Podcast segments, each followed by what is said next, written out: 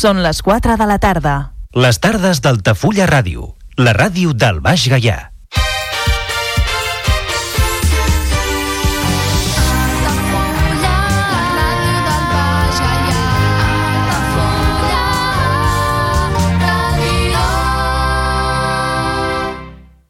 Altafulla Ràdio. Serveis informatius.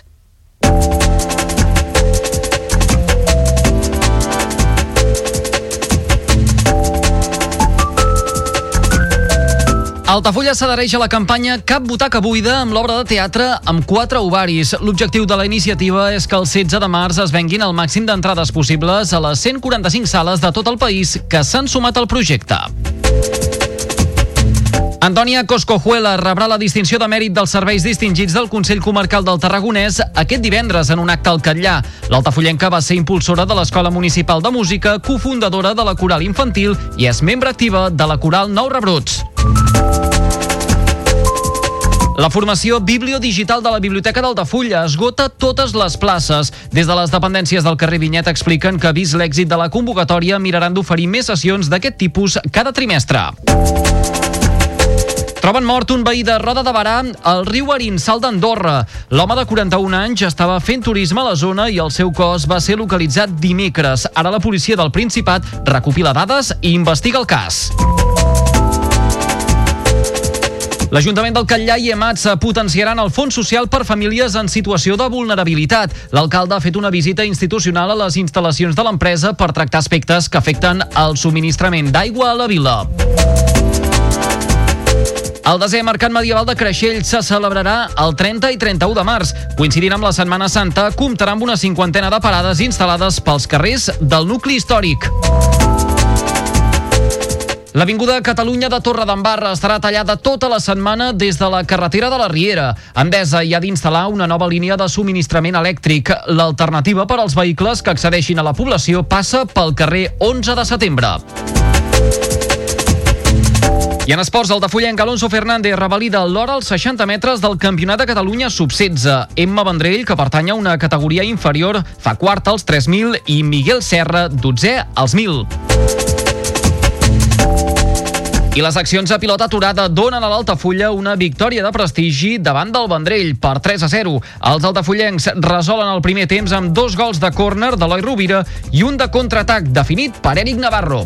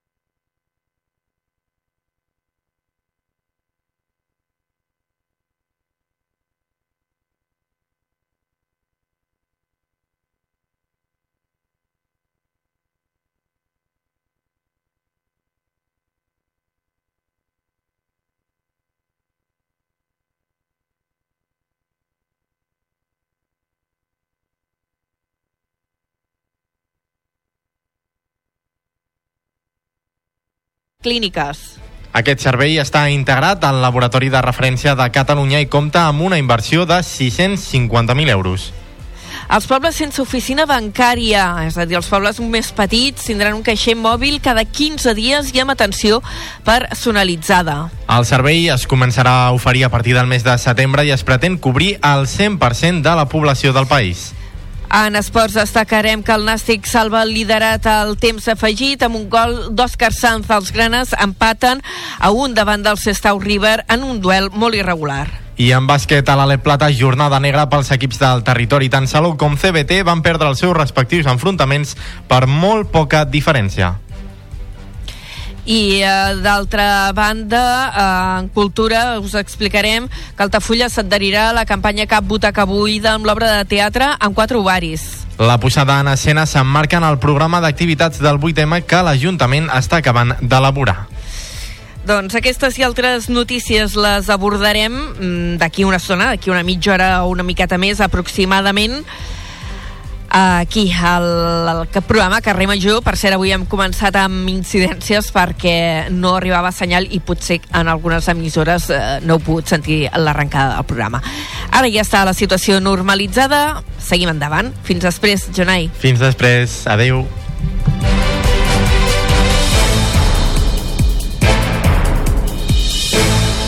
Carrer Major. Toni Mateos.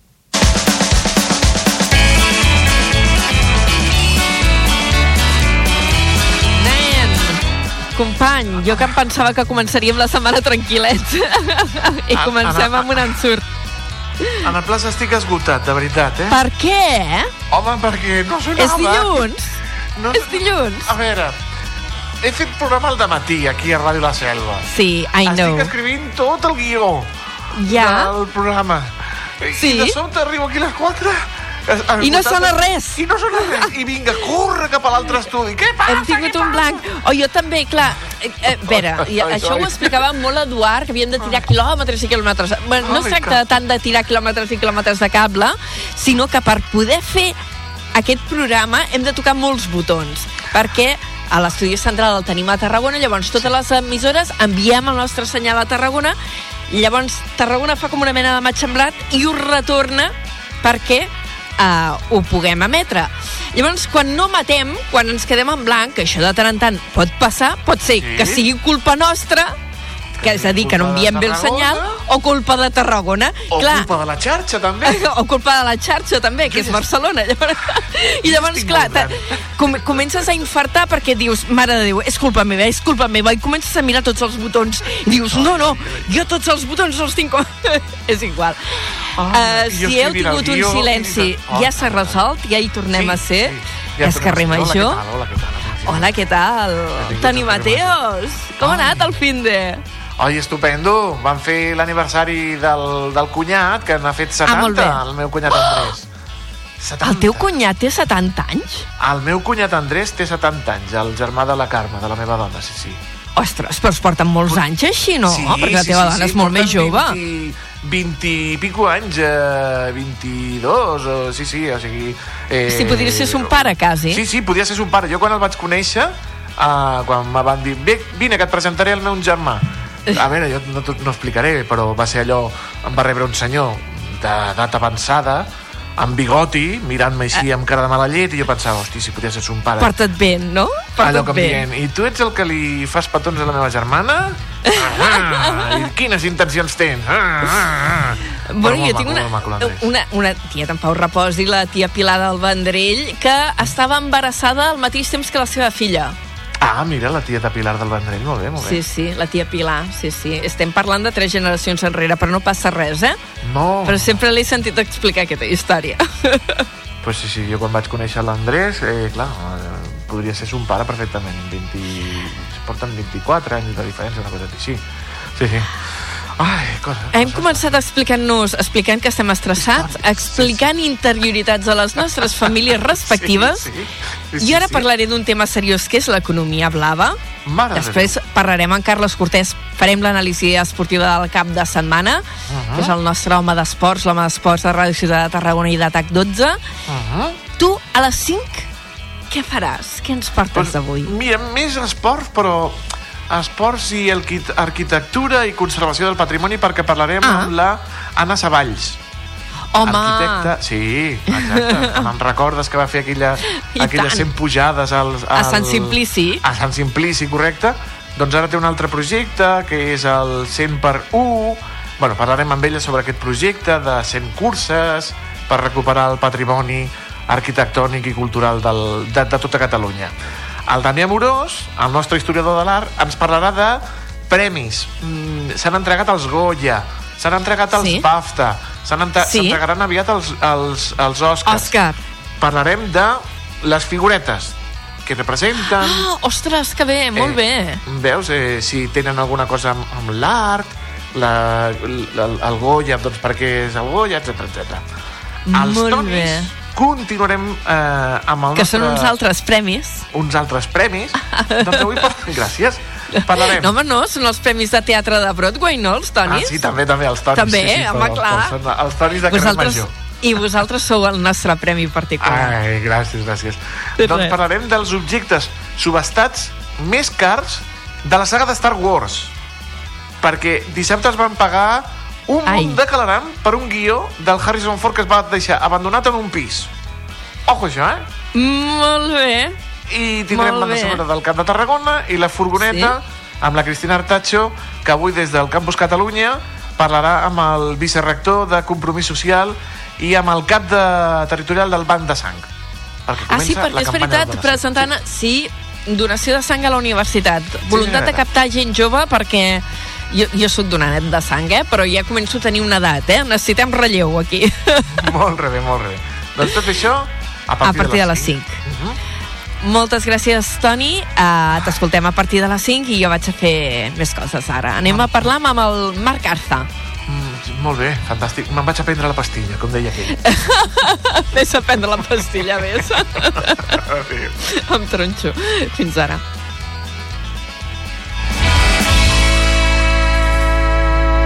Cada tarda de dilluns a divendres fem parada a Carrer Major.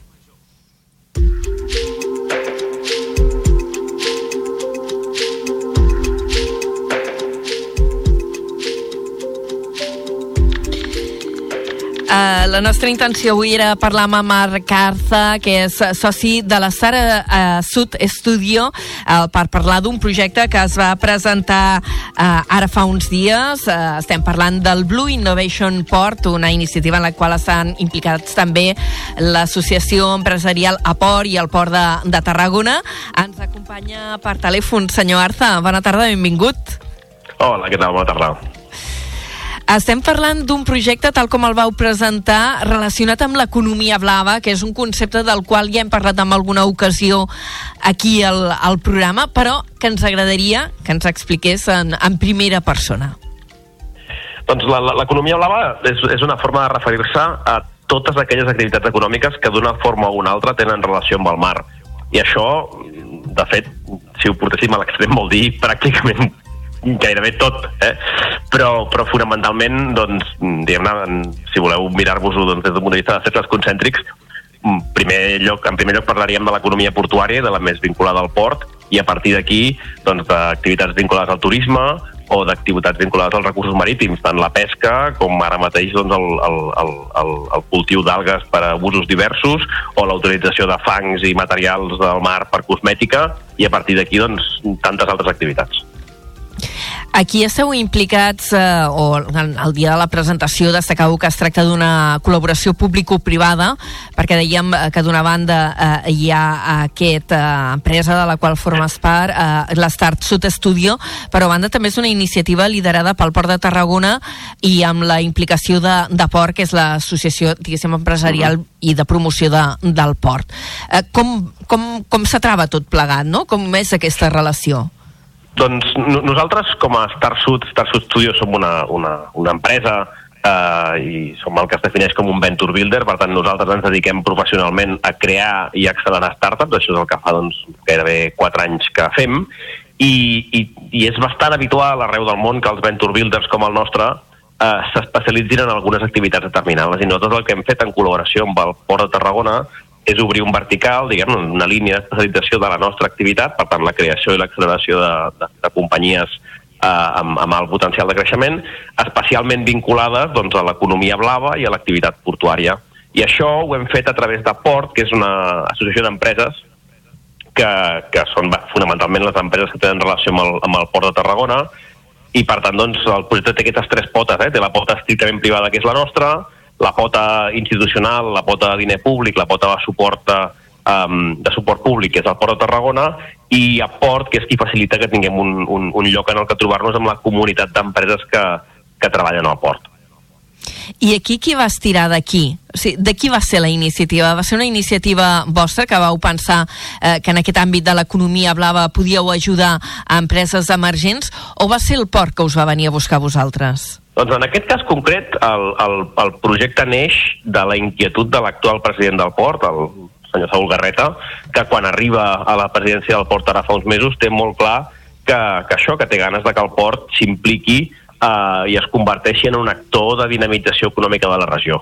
I entenc que entre altres eh, actors amb qui devia parlar ens va plantejar a nosaltres doncs, eh, de quina forma això es podria fer i a partir d'aquí doncs, és quan nosaltres vam proposar doncs, de, de, de, engegar un, un hub com aquest eh, eh, com el que ha acabat sent eh, el Blue Innovation Hub.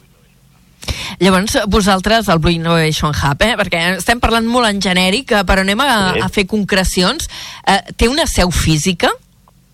Sí, això, el, el, una de les claus importants d'això és que l'edifici institucional del port, aquell edifici doncs, que tots coneixem al Port de Tarragona, tenim mm, doncs, no, aquesta, aquesta mena de gratacels que hi ha uh, entre, sí. entre la platja i la marina, va passar per una renovació, per, per una, cert, per una modernització. dissenyat pel... que era, que era obra del del pare. De... del port, exacte. Ah, exacte. Sí, sí, sí, pel... I, i allà uh, hi havia quedat un espai meravellós que el port volia eh, dedicar a treure i a, a treure empreses. No?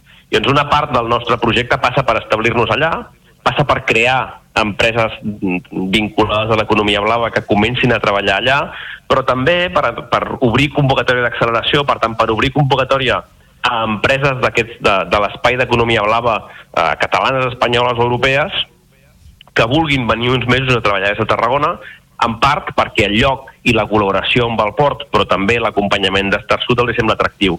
I, per tant, la voluntat d'utilitzar aquest espai, aquest edifici, que és una meravella, eh, com una palanca d'atracció d'empreses que puguin establir-se i créixer aquí, a Tarragona i al Camp de Tarragona.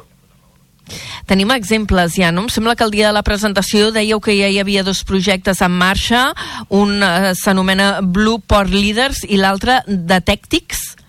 Això mateix. Nosaltres el que, el que hem començat a fer és, no, jo us deia abans que Sud es dedica a crear i accelerar startups. El primer que hem fet és crear un parell de projectes empresarials vinculats a aquest sector. Un és Detectics, que el que fa és agafar una tecnologia que ja està testada en, en, en alguns ports petits, que fonamentalment el que fa és utilitzar les imatges de les càmeres que ja existeixen al port i donar-los un, un ús.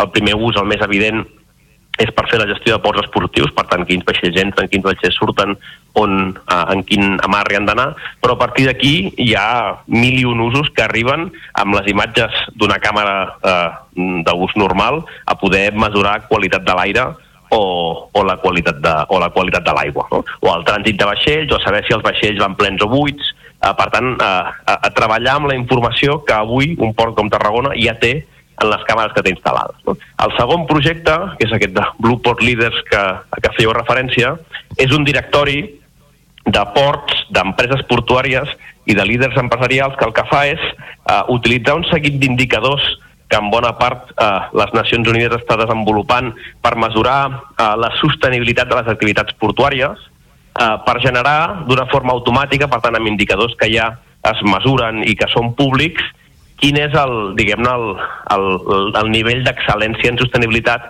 de les empreses vinculades en aquest sector, de forma que les empreses tenen un espai en el que compartir els seus projectes, però també eh, mesurar com de bé o malament fan les coses des del punt de vista sostenible i rebre eh, indicacions de com millorar en, en aquest sentit i qui els han impulsat aquests dos uh, projectes perquè uh, dèieu també el dia de la presentació d'aquest Blue Innovation Hub uh, que l'objectiu era d'una banda impulsar projectes empresarials locals però també atreure empreses de fora en aquests dos casos concrets del Blue Ports Leaders i de Tèctics que ja estan en marxa qui han sigut els uh -huh. impulsors? Qui en aquest cas, els impulsors hem, hem sigut nosaltres, la gent d'Estar Sud, el cossi d'Estar Sud, que hem, eh, una, desenvolupat un, una, una possible idea de negoci i dos, hem anat a buscar un, un equip que la vulguin tirar endavant. No? I en un dels casos, doncs, nosaltres hem proposat una idea i hem anat a buscar una persona que la pot tirar endavant, en l'altre eh, va ser aquesta persona que vam trobar, que tenia una primera eh, que havia estat treballant amb aquesta tecnologia i que l'hem convidat a sumar-se a nosaltres per, per fer-ho créixer.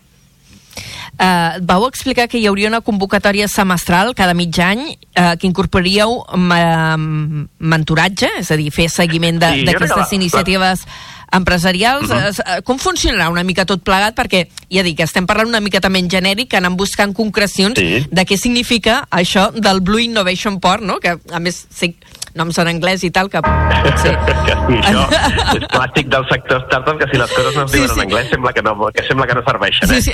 El que, el, al que món empresarial tingueu in, o sigui, intentem baixar la terra, no? perquè a vegades al sector Exacte. empresarial teniu aquí una terminologia com a molt específica, baixem a la terra. Com funcionarà?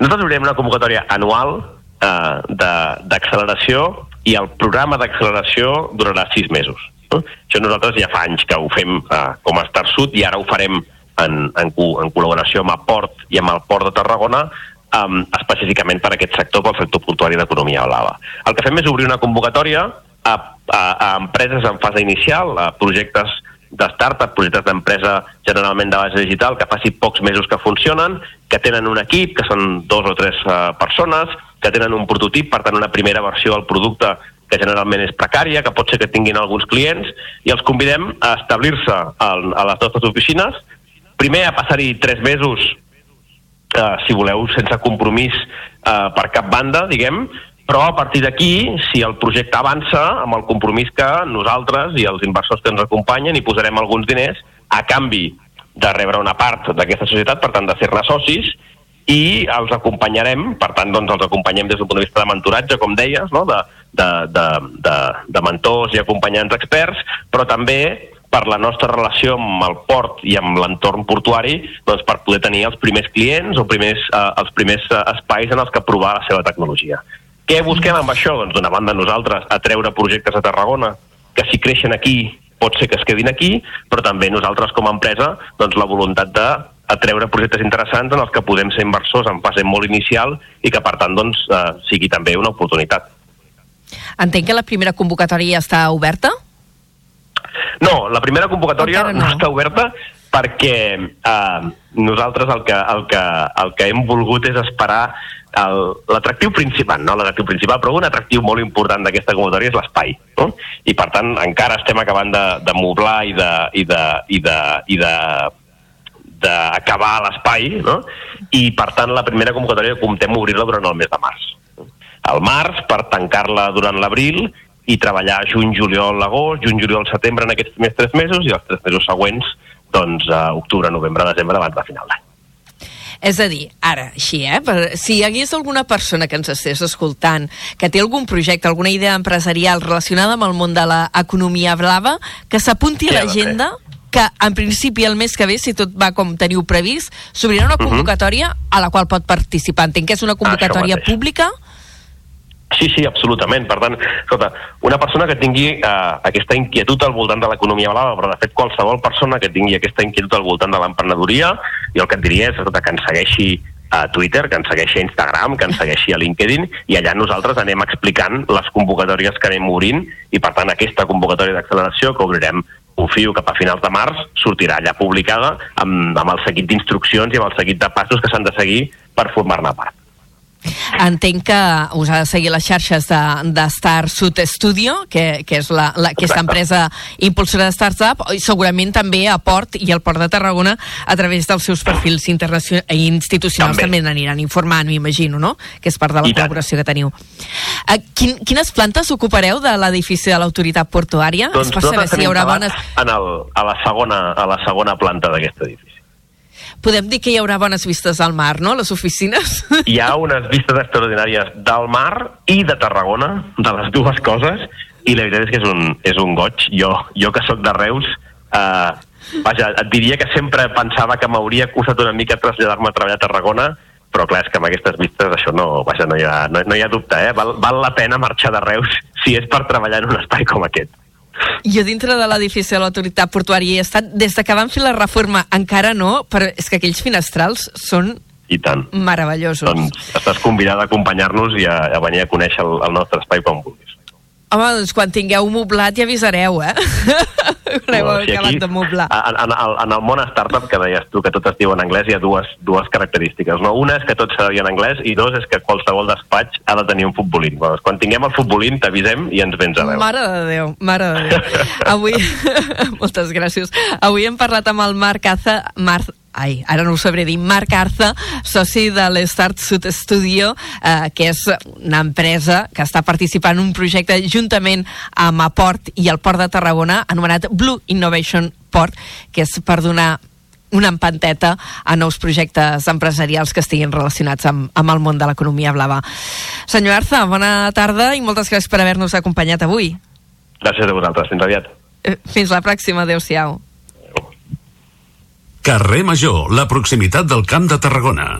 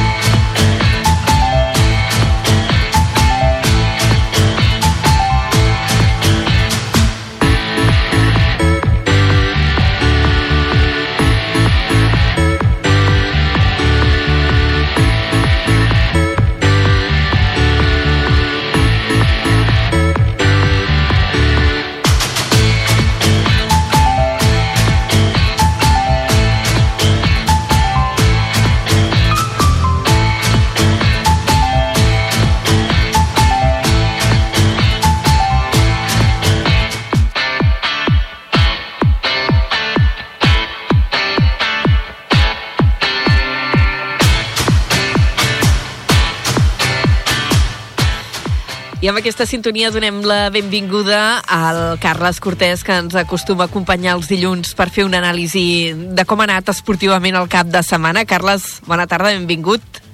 Què tal, com estàs, Anna? Bona tarda. Escolta, ha sigut un cap de setmana de suar una mica, em sembla. Mira, és un cap de setmana d'aquells que millor dir-te Anna, moltes gràcies, fins la setmana vinent. Ja he No, vist ha que ha matisos. sigut una mica... Sí, ha, No, ha sigut de ha patir. matisos. Sí, Vinga, hi ha molts matisos, hi ha molts matisos que els hem d'anar fent i llavors la gent entendrà que no és tan dramàtic com ho pintem d'arrencada. Vale, doncs comencem. Comencem com fent normalment amb el Nàstic, que ha esgarrapat un empat suant bastant, tinc entès? Bon punt, bon punt, sí, suant bastant perquè el Nàstic va empatar un al camp del Sestao, un camp amb molta història, el futbol estatal, però ho va fer empatant al minut 92.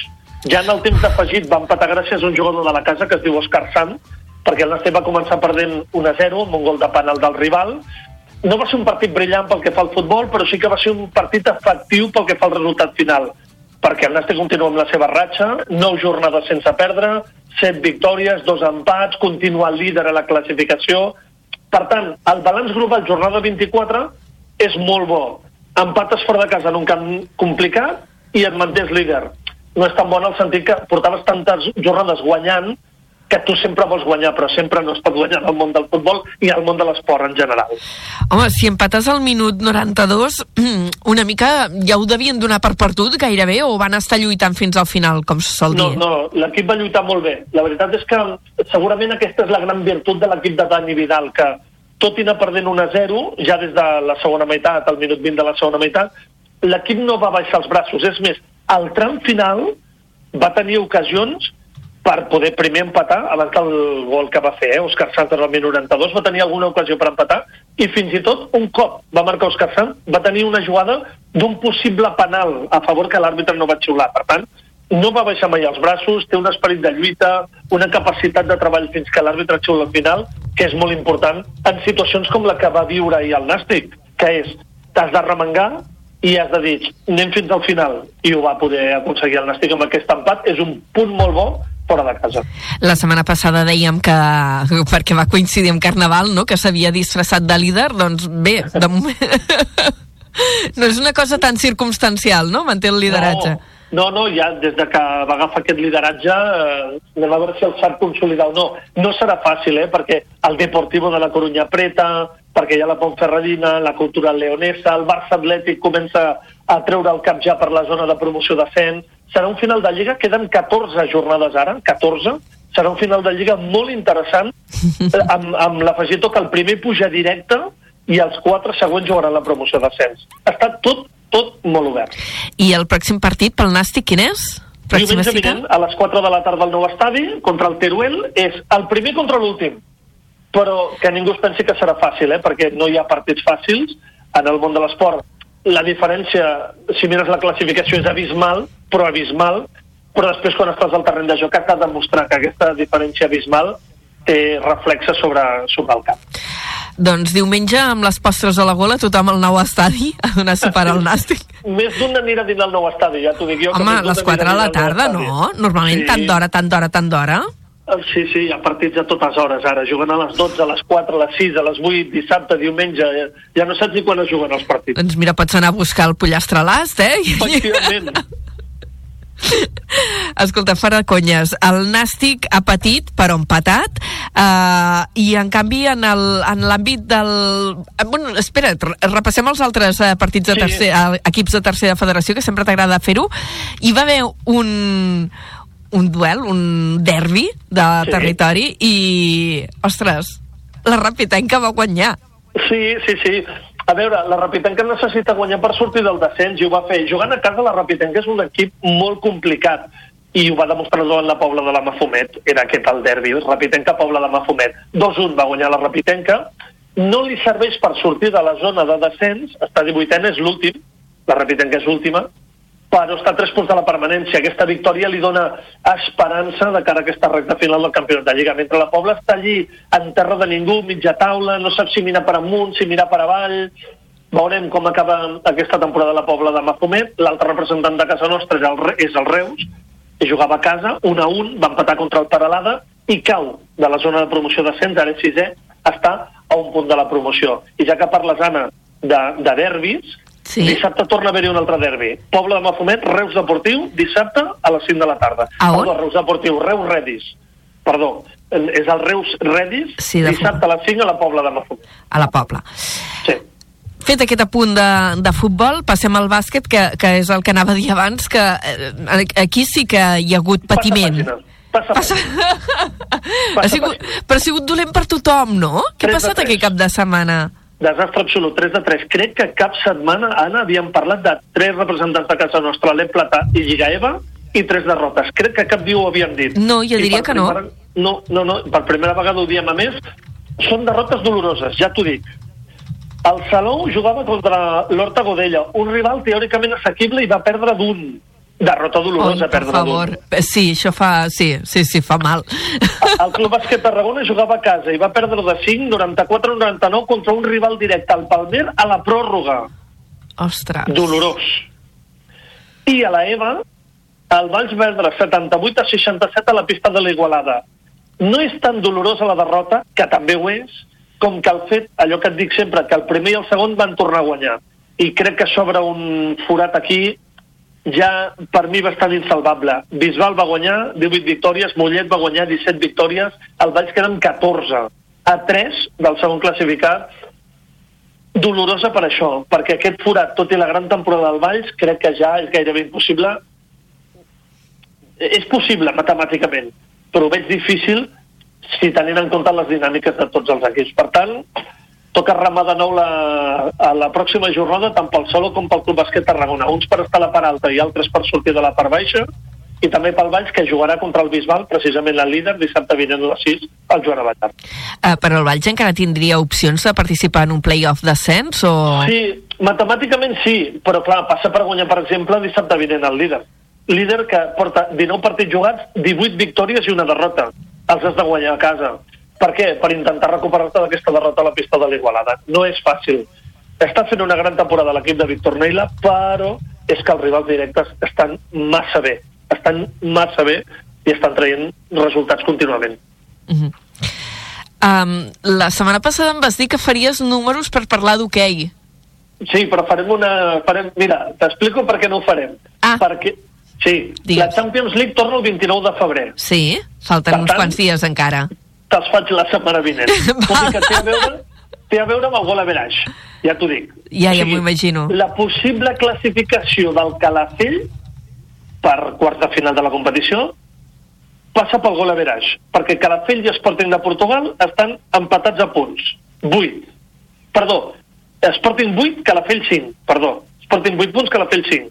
Per tant, el Calafell ha de guanyar i l'Sporting Portugal ha de perdre en l'última jornada, 29 de febrer. Calafell juga a casa amb el Benfica i Sporting de Portugal juga a casa amb el Rep. Però explicarem millor la setmana vinent. Això és per, pel que fa a la Champions. Uh, pel Sí. que fa a la Lliga regular d'hoquei, hem tingut cita aquest cap de setmana perquè, mira, això no m'hi he fixat, eh? No, no, no han jugat. Té una explicació. El Calafell jugava a la pista del Barça, teòricament. Però el Barça ha jugat aquest cap de setmana a la Copa Intercontinental, que per cert ha guanyat. És el campió de la Copa Intercontinental, va guanyar el Porto, i per tant el Barça Calafell d'aquesta jornada 19 jugarà el 18 de març. I el partit del Reus es juga aquest dimecres, al Palau d'Esports contra l'Igualada. Dimecres a les 9, Palau d'Esports, Reus, Igualada. Per tant, cap dels dos representants de casa nostra ha jugat i apunta a l'agenda, perquè sé que Què? això t'agrada, Anna. Sí. Diumenge, dos quarts d'una del migdia, aquest pròxim diumenge, Sí. Calafell-Reus, derbi a l'Hockey Lliga. Ah, molt bé, eh? Veus? Sabia que t'agradaria apuntar-ho. al final se faran íntims aquesta gent, no? Perquè fa quatre dies que van jugar. Van jugar a la Champions, recordem-ho. Sí. i ara jugaran a l'Hockey Lliga. No s'han creuat a, a la Copa. No es podien creuar a la Copa perquè no eren caps de... Un, els dos eh, depenien dels caps de sèrie, per tant no es podien creuar a la Copa. On serà el derbi, com ho has dit? A Calafell, A Calafell. al Joan Hortoll. A Calafell diumenge a dos quarts d'una. Per tant, el Reus té doble partit aquest, aquesta setmana. Dimecres a les 9 contra l'Igualada, diumenge a dos quarts d'una a la pista del Calafell.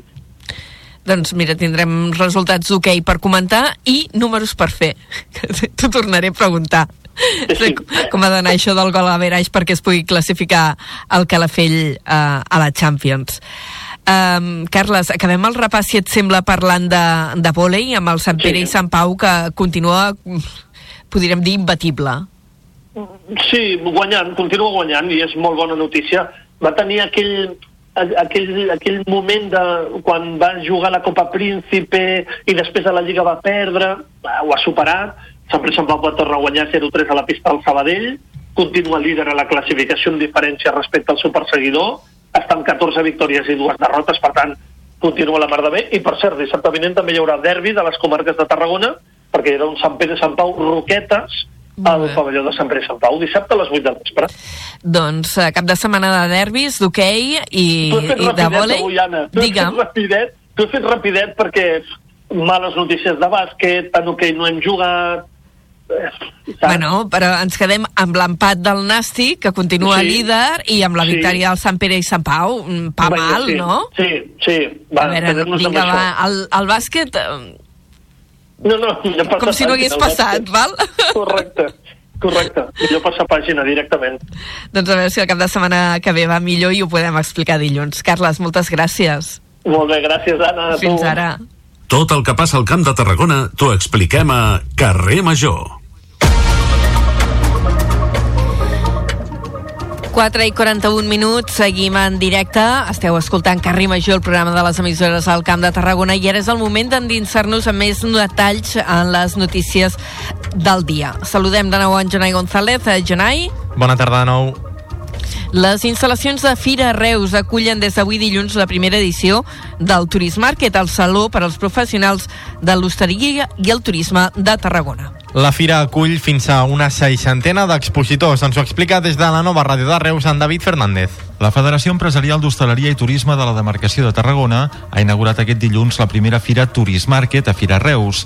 Aquesta edició de debut compta amb una seixantena d'expositors de camps com l'alimentació, el disseny o les TIC i neix per afavorir contactes i generar sinergies entre empreses del sector turístic.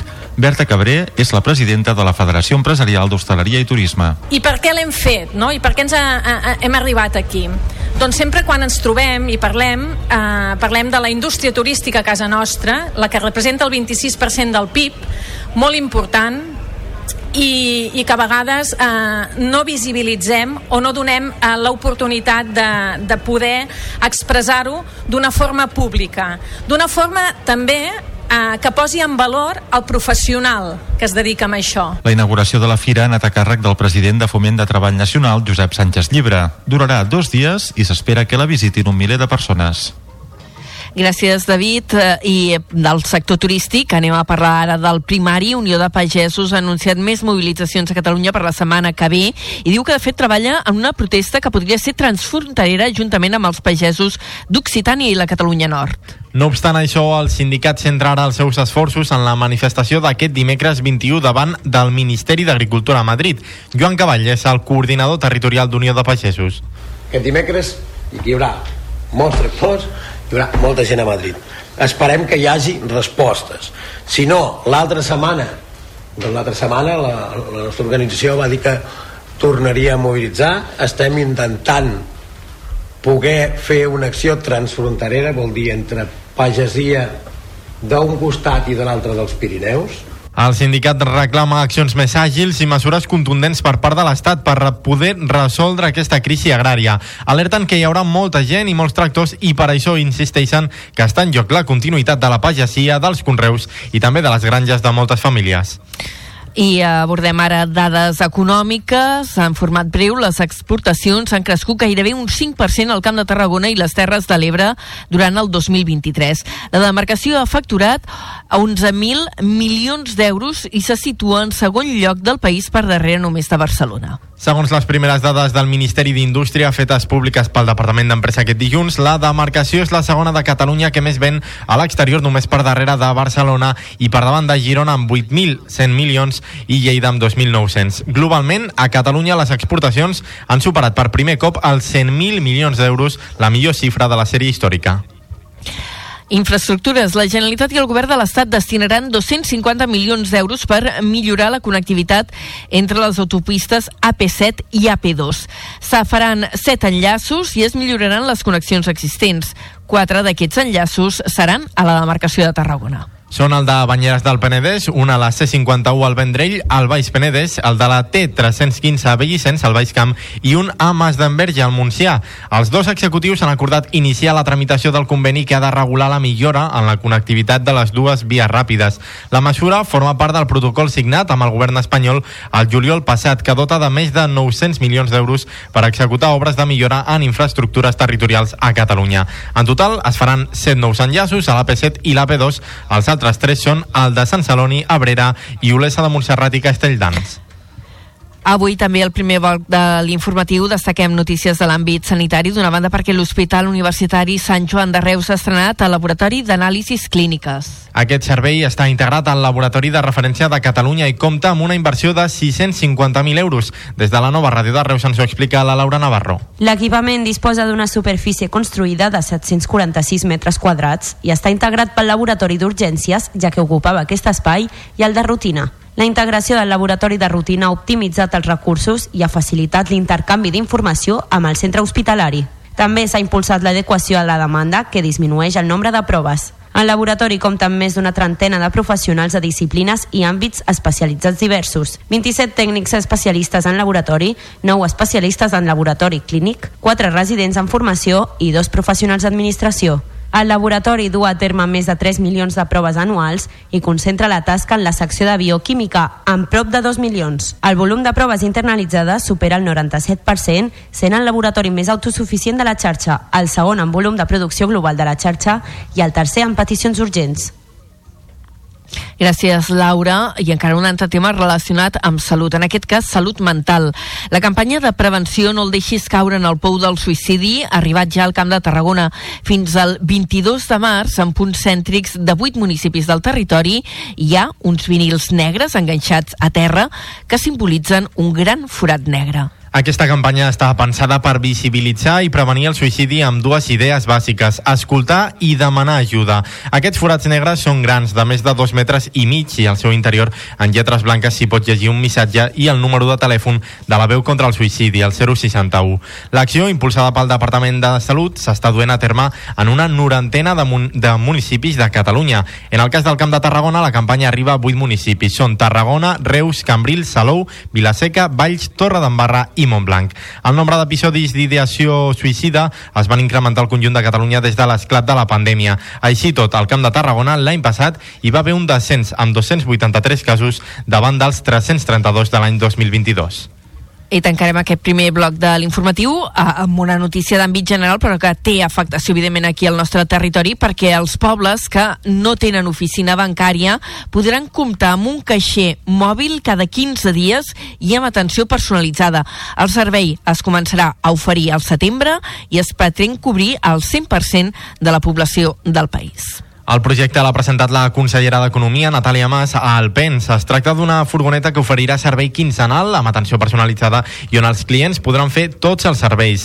Les entitats encarregades del projecte seran Caixa Banc i Caixa d'Enginyers en funció de la zona. De fet, des del 2008, Catalunya ha perdut el 73% de les oficines i actualment el 54% dels municipis no en tenen. Per solucionar aquest dèficit, la Generalitat posarà aquest servei d'oficines mòbils que costarà 900.000 euros.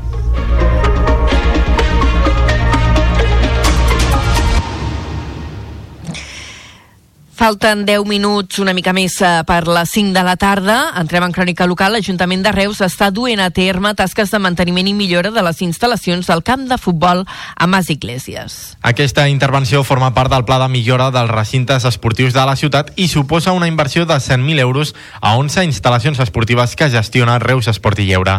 Des de la nova ràdio de Reus, Laura Navarro.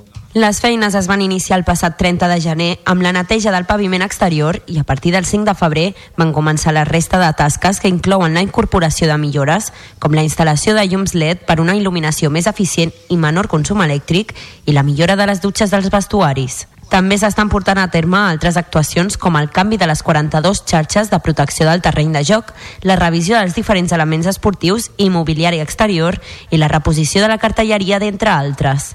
En el marc del Pla de millora de les instal·lacions esportives municipals ja s'han portat a terme actuacions a l'estadi municipal i als polillaugers. A més, ja s'ha confirmat que la pròxima intervenció es farà al camp de futbol municipal de la Pastoreta. Gràcies. Seguim avançant eh, pel territori. En aquesta crònica local ens situem al Baix Gaià per parlar eh, d'unes obres que han començat eh, a la zona de Roda Barà i el Creixell. Es tracta del trasllat de les torres elèctriques que hi ha en les àrees poblades d'aquests dos municipis.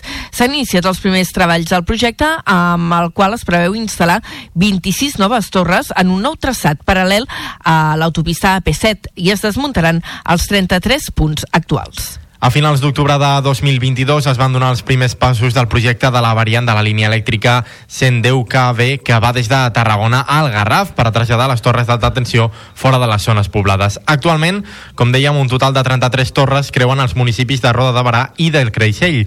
Travessen zones residencials, motiu pel qual l'objectiu principal del projecte és allunyar-les al màxim possible dels habitatges. El nou traçat de 6,4 quilòmetres necessitarà 26 noves torres, 20 d'elles al terme municipal rodenc, més modernes i estretes que les anteriors i discorrerà quasi paral·lel a l'autopista AP7. El projecte de distribució té un cost de 2 milions d'euros. L'Ajuntament de Torredembarra instal·larà en guany elements a la via pública per fomentar el sistema de recollida de la brossa porta a porta i també la recollida selectiva comercial. Segons el pressupost per enguany, aprovat per ple el passat 8 de febrer, s'hi dedicarà una inversió d'uns 70.000 euros. Ens ho explica des d'Ona la Torre en Josep Sánchez. Aquesta partida, segons explica el regidor de Residus i Neteja Viària, Raül Garcia, es dedicarà a l'adquisició d'uns tòtems que s'instal·laran en punts on s'aplica el sistema de recollida selectiva porta a porta i on hi ha blocs de pisos amb diferents habitatges. D'aquesta manera es vol facilitar les tasques de recollida. També per habilitar una àrea específica i tancada per a la recollida comercial on els establiments hi podran dipositar els seus residus amb identificació. Això permetrà fer un control més exhaustiu dels nivells de reciclatge. Per, eh, sobretot a les zones on els edificis són molt grans i hi ha molts veïns, per poder deixar els cubells de la, de la brossa i també en la recollida comercial amb una àrea tancada on els comerços que la, que la utilitzin s'hauran d'identificar, cosa que també eh, ens ajudarà i ens permetrà una millor fiscalització del que, del que fan bé en, en aquest exercici de, de reciclar. Recordem que el sistema de recollida porta a porta s'aplica als barris del nucli antic, Clarà, Babilònia, Sant Jordi i Bajamar. I parlem ara d'una iniciativa educativa. L'Ajuntament de Vandellós i l'Hospitalet de l'Infant ofereix un servei de suport psicològic gratuït al jovent. Està adreçat als joves d'entre 12 i 18 anys empadronats al municipi. Des de Ràdio L'Hospitalet, Iris Rodríguez. A través de la regidoria de joventut, l'Ajuntament de Vandellós i l'Hospitalet de l'Infant ha posat en marxa aquest mes de febrer un servei de suport psicològic gratuït adreçat a joves per detectar i atendre de forma preventiva el patiment psicològic i els problemes de salut emocional entre aquest col·lectiu. Esmeralda Saladier és la regidora de joventut. Des de la regidoria de joventut, bueno, des de l'equip de govern, estem molt, molt contents i molt il·lusionats de poder tirar endavant el servei de psicologia amb un objectiu molt clar, perquè des de arran de la pandèmia es detecten molts doncs, casos de malestar no? entre els nostres adolescents i llavors l'objectiu és poder ajudar a que, bueno, pues, per treballar el seu benestar emocional. El servei està dirigit a joves d'entre 12 i 18 anys empadronats al municipi i les persones usuàries del servei poden accedir a 10 sessions de teràpia psicològica gratuïta que pot ser ampliable en funció de les necessitats. I parlem d'una nova iniciativa gastronòmica que ens arriba des del Baix Gaià. 22 eh, restaurants de 8 municipis d'aquesta zona del Tarragonès eh, participen a partir d'aquest dijous en les rutes experiències amb calçots i carxofes. Entre el 22 de febrer i el 21 d'abril, aquests establiments incorporaran als seus menús propostes amb aquests dos aliments tan típics de casa nostra. Ens ho explica des d'Ona la Torre en Josep Sánchez. La proposta s'ha presentat aquest dilluns. Els establiments que hi prenen part han preparat menús o racions amb els calçots i la carxofa com a protagonistes. Aquesta iniciativa sorgeix amb l'objectiu que l'experiència gastronòmica sigui un reclam per potenciar els caps de setmana fora de temporada, així com per descobrir nous restaurants. La regidora de Turisme i Comerç de l'Ajuntament de Torredembarra, Jovita Baltasar, ha destacat que es tracta d'una bona iniciativa per desestacionalitzar el turisme i donar valor a la gastronomia del Baix Gaià. Un dels objectius principals d'aquestes jornades és poder desestacionalitzar la temporada i potenciar la gastronomia durant tot l'any. També eh, aconseguir que el Baix Gaià doncs, esdevingui territori en referència a nivell gastronòmic i bueno, acollir a tots aquells visitants que vinguin doncs, durant tota la temporada fora de l'estiu els clients que degustin les propostes de quatre restaurants de quatre poblacions diferents aconseguiran de forma directa una ampolla de licor d'arròs.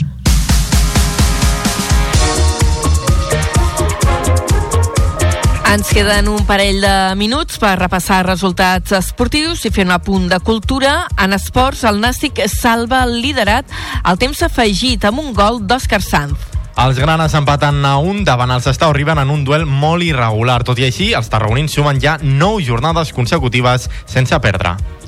I en bàsquet a l'Alep Plata hem de parlar d'una jornada negra per als equips del territori. Tant el Salou com el CBT han perdut els seus respectius enfrontaments per poca diferència. El Club Bàsquet Tarragona va caure a la pròrroga davant el Palmer Bàsquet Mallorca, el coer de la categoria. Els tarragonins han vist com els balears remuntaven 13 punts i forçaven una pròrroga en la que van ser superiors amb un gran encert des de la línia de triple. Al final, els tarragonins perdien per 94-99 i s'enfonsen a la zona de descens directe. Per la seva banda, el Salou perd en els compassos finals en un partit que es va decidir per petits detalls amb un 86 a 85 davant l'Horta Godella. Els de la Costa Daurada segueixen cinquens a la taula i ja acaricien la classificació als play-off descens a l'Epor.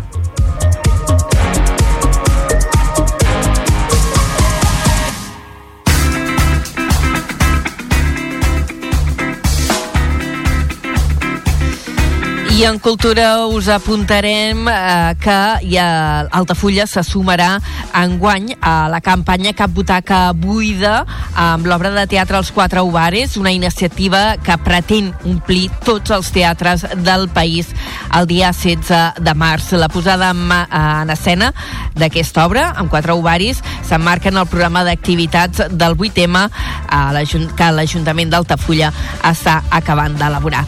Dit això, tanquem la primera hora del programa.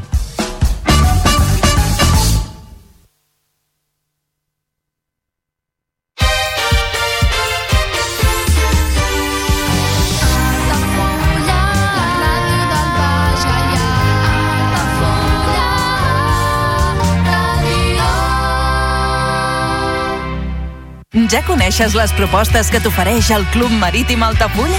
Vine i descobreix totes les nostres activitats. Sortides en caiac o pa del surf, cursos de vela per a totes les edats. No t'ho perdis. Club Marítim Altafulla. Obert tot l'any i per a tothom. Comunions 2024. Dates ja disponibles amb sales privades, jardí, pàrquing privat i la millor gastronomia. Més informació i reserves al 977 65 11 55 i a comercial arroba altafullamarotel.com o al web altafullamarahotel.com. Les teves celebracions familiars a l'Altafulla Mar Hotel. Busco un camí sense Escric noves memòries Dolces fins la tardor.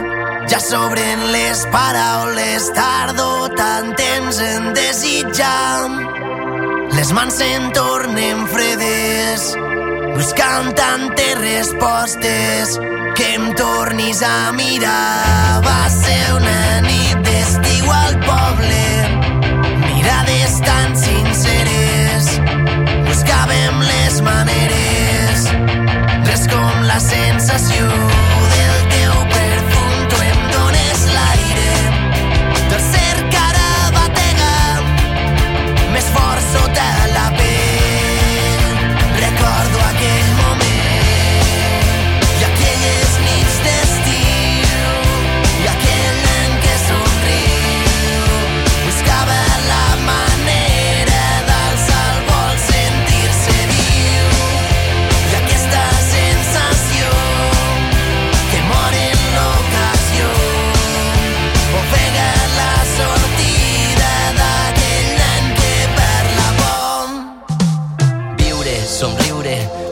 respirar, ruïnes, records, el que junts vam crear. Tots els moments sense parar de riure, creure en el somni que junts vam somiar. La història s'aguanta en els seus precedents. La vida és una i aquesta et regala el temps. Dona sortida al dubte intermitent. Canta les penes a l'aire i al vent. Som les memòries de pau i d'amor, les velles històries que broten del cor, l'autèntic somriure, les ganes de viure, les Són les 5 de la tarda. Les tardes d'Altafulla Ràdio, la ràdio del Baix Gaià.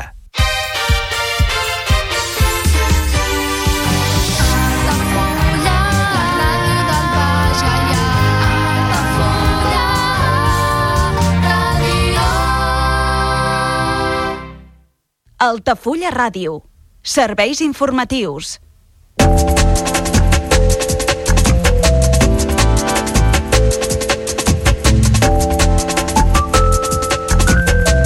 Altafulla s'adhereix a la campanya Cap butaca buida amb l'obra de teatre amb quatre ovaris. L'objectiu de la iniciativa és que el 16 de març es venguin el màxim d'entrades possibles a les 145 sales de tot el país que s'han sumat al projecte. Antònia Coscojuela rebrà la distinció de mèrit dels serveis distingits del Consell Comarcal del Tarragonès aquest divendres en un acte al Catllà. L'altafollenca va ser impulsora de l'Escola Municipal de Música, cofundadora de la Coral Infantil i és membre activa de la Coral Nou Rebrots. La formació bibliodigital de la Biblioteca d'Altafulla esgota totes les places. Des de les dependències del carrer Vinyet expliquen que, vist l'èxit de la convocatòria, miraran d'oferir més sessions d'aquest tipus cada trimestre. Troben mort un veí de Roda de Barà al riu Arinsal d'Andorra. L'home de 41 anys estava fent turisme a la zona i el seu cos va ser localitzat dimecres. Ara la policia del Principat recopila dades i investiga el cas. L'Ajuntament del Catllà i Emats potenciaran el Fons Social per famílies en situació de vulnerabilitat. L'alcalde ha fet una visita institucional a les instal·lacions de l'empresa per tractar aspectes que afecten el subministrament d'aigua a la vila. El desè Mercat Medieval de Creixell se celebrarà el 30 i 31 de març. Coincidint amb la Setmana Santa, comptarà amb una cinquantena de parades instal·lades pels carrers del nucli històric.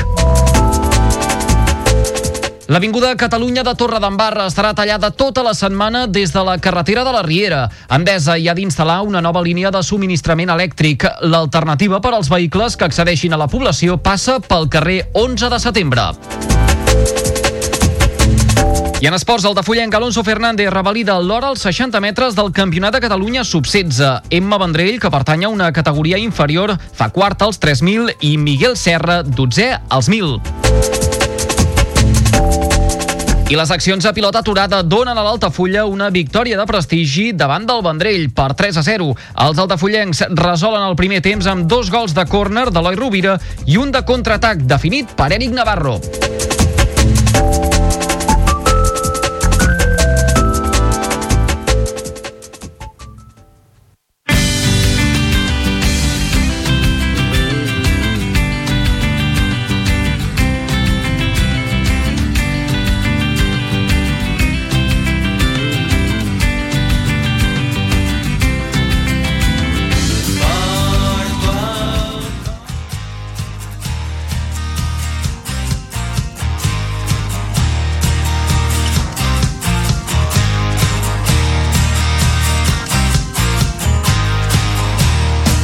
Carrer Major, Toni Mateos i Aleix Pérez. Hola, què tal? Avui hem començat el programa corrents, eh, d'un estudi a l'altre i a punt de batre rècords de velocitat.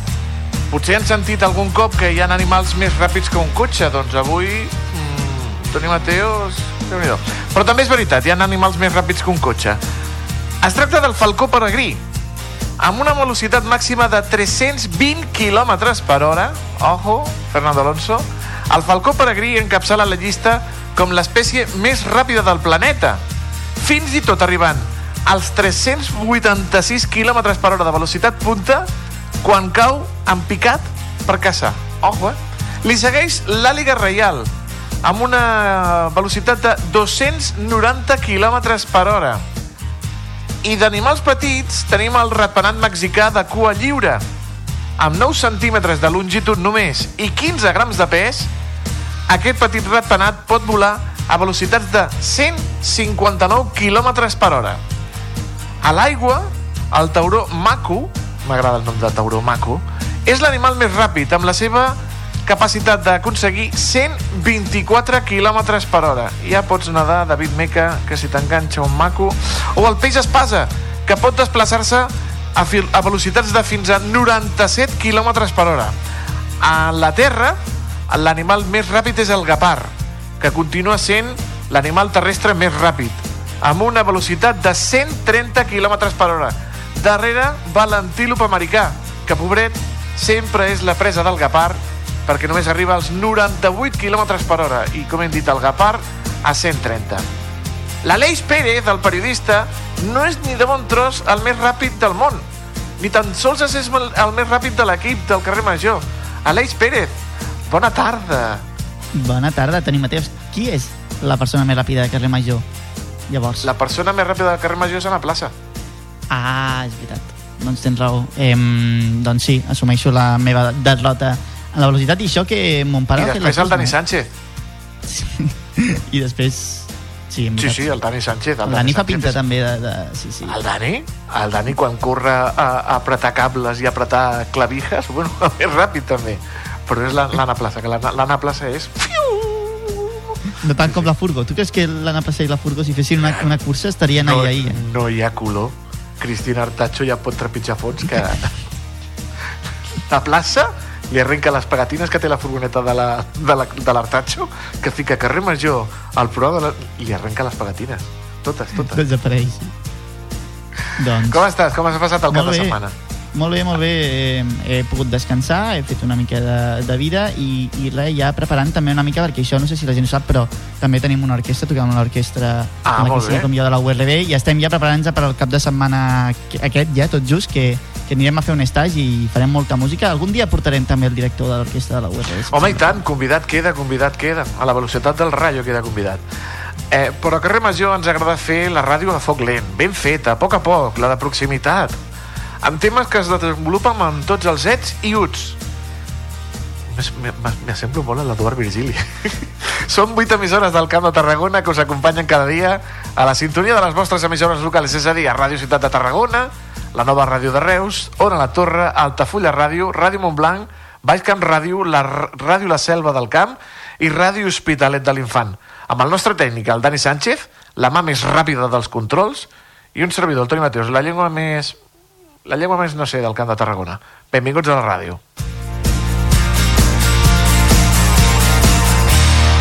Carrer Major, la proximitat del Camp de Tarragona.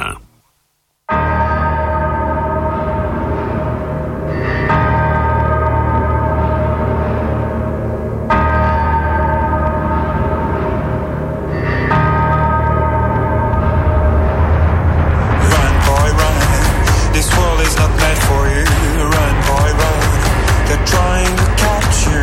Run, boy, run. Per la banda cor, eh, la nostra convidada deixa tu i a mi, Aleix.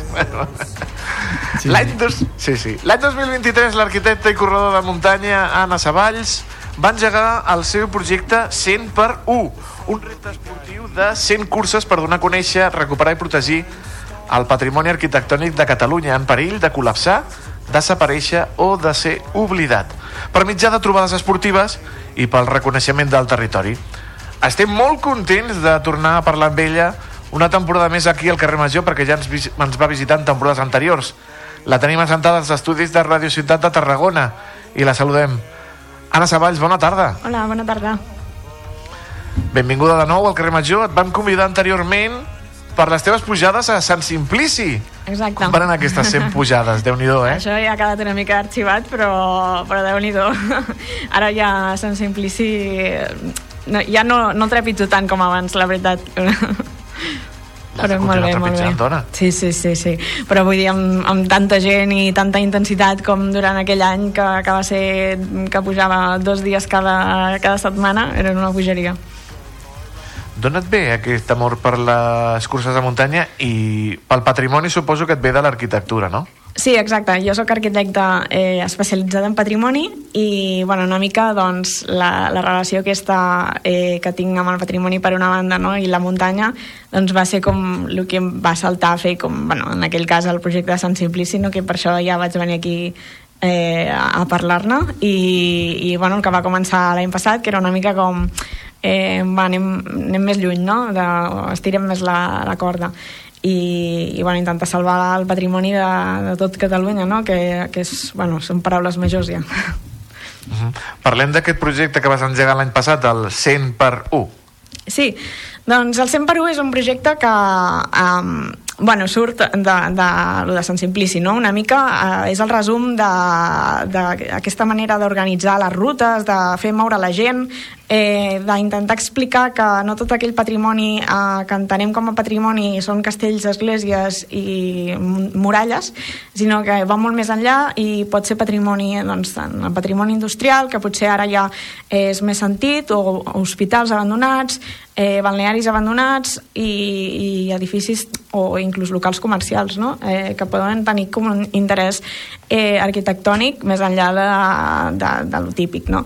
um, també doncs, uh, vull salvar tot aquest patrimoni no? que, que sembla que, que no sigui prou important com per ser salvat no? des de l'administració eh, o simplement tingui com a, a vegades problemes eh, logístics per ser eh, salvat i, i, i parlo de problemes logístics perquè a vegades la dificultat és eh, ostres, és que no tenim cap eh, treballador que vulgui anar a fer la fitxa tècnica de l'edifici a dalt de la muntanya. I dius, bueno i llavors eh, el que vull intentar és que la gent jove um, que, que a vegades pues, no, no té gaire coneixement potser o per l'edat o per, perquè simplement uh, no, no és un interès que, que, que tinguin um, vagi a la muntanya i, i siguin ells que pues, si uh, la gent que treballa des de l'administració o la gent que treballa als arxius no volen pujar a la muntanya pues, que aquesta gent jove doncs, contribueixi amb la, amb la recuperació del patrimoni abandonat no?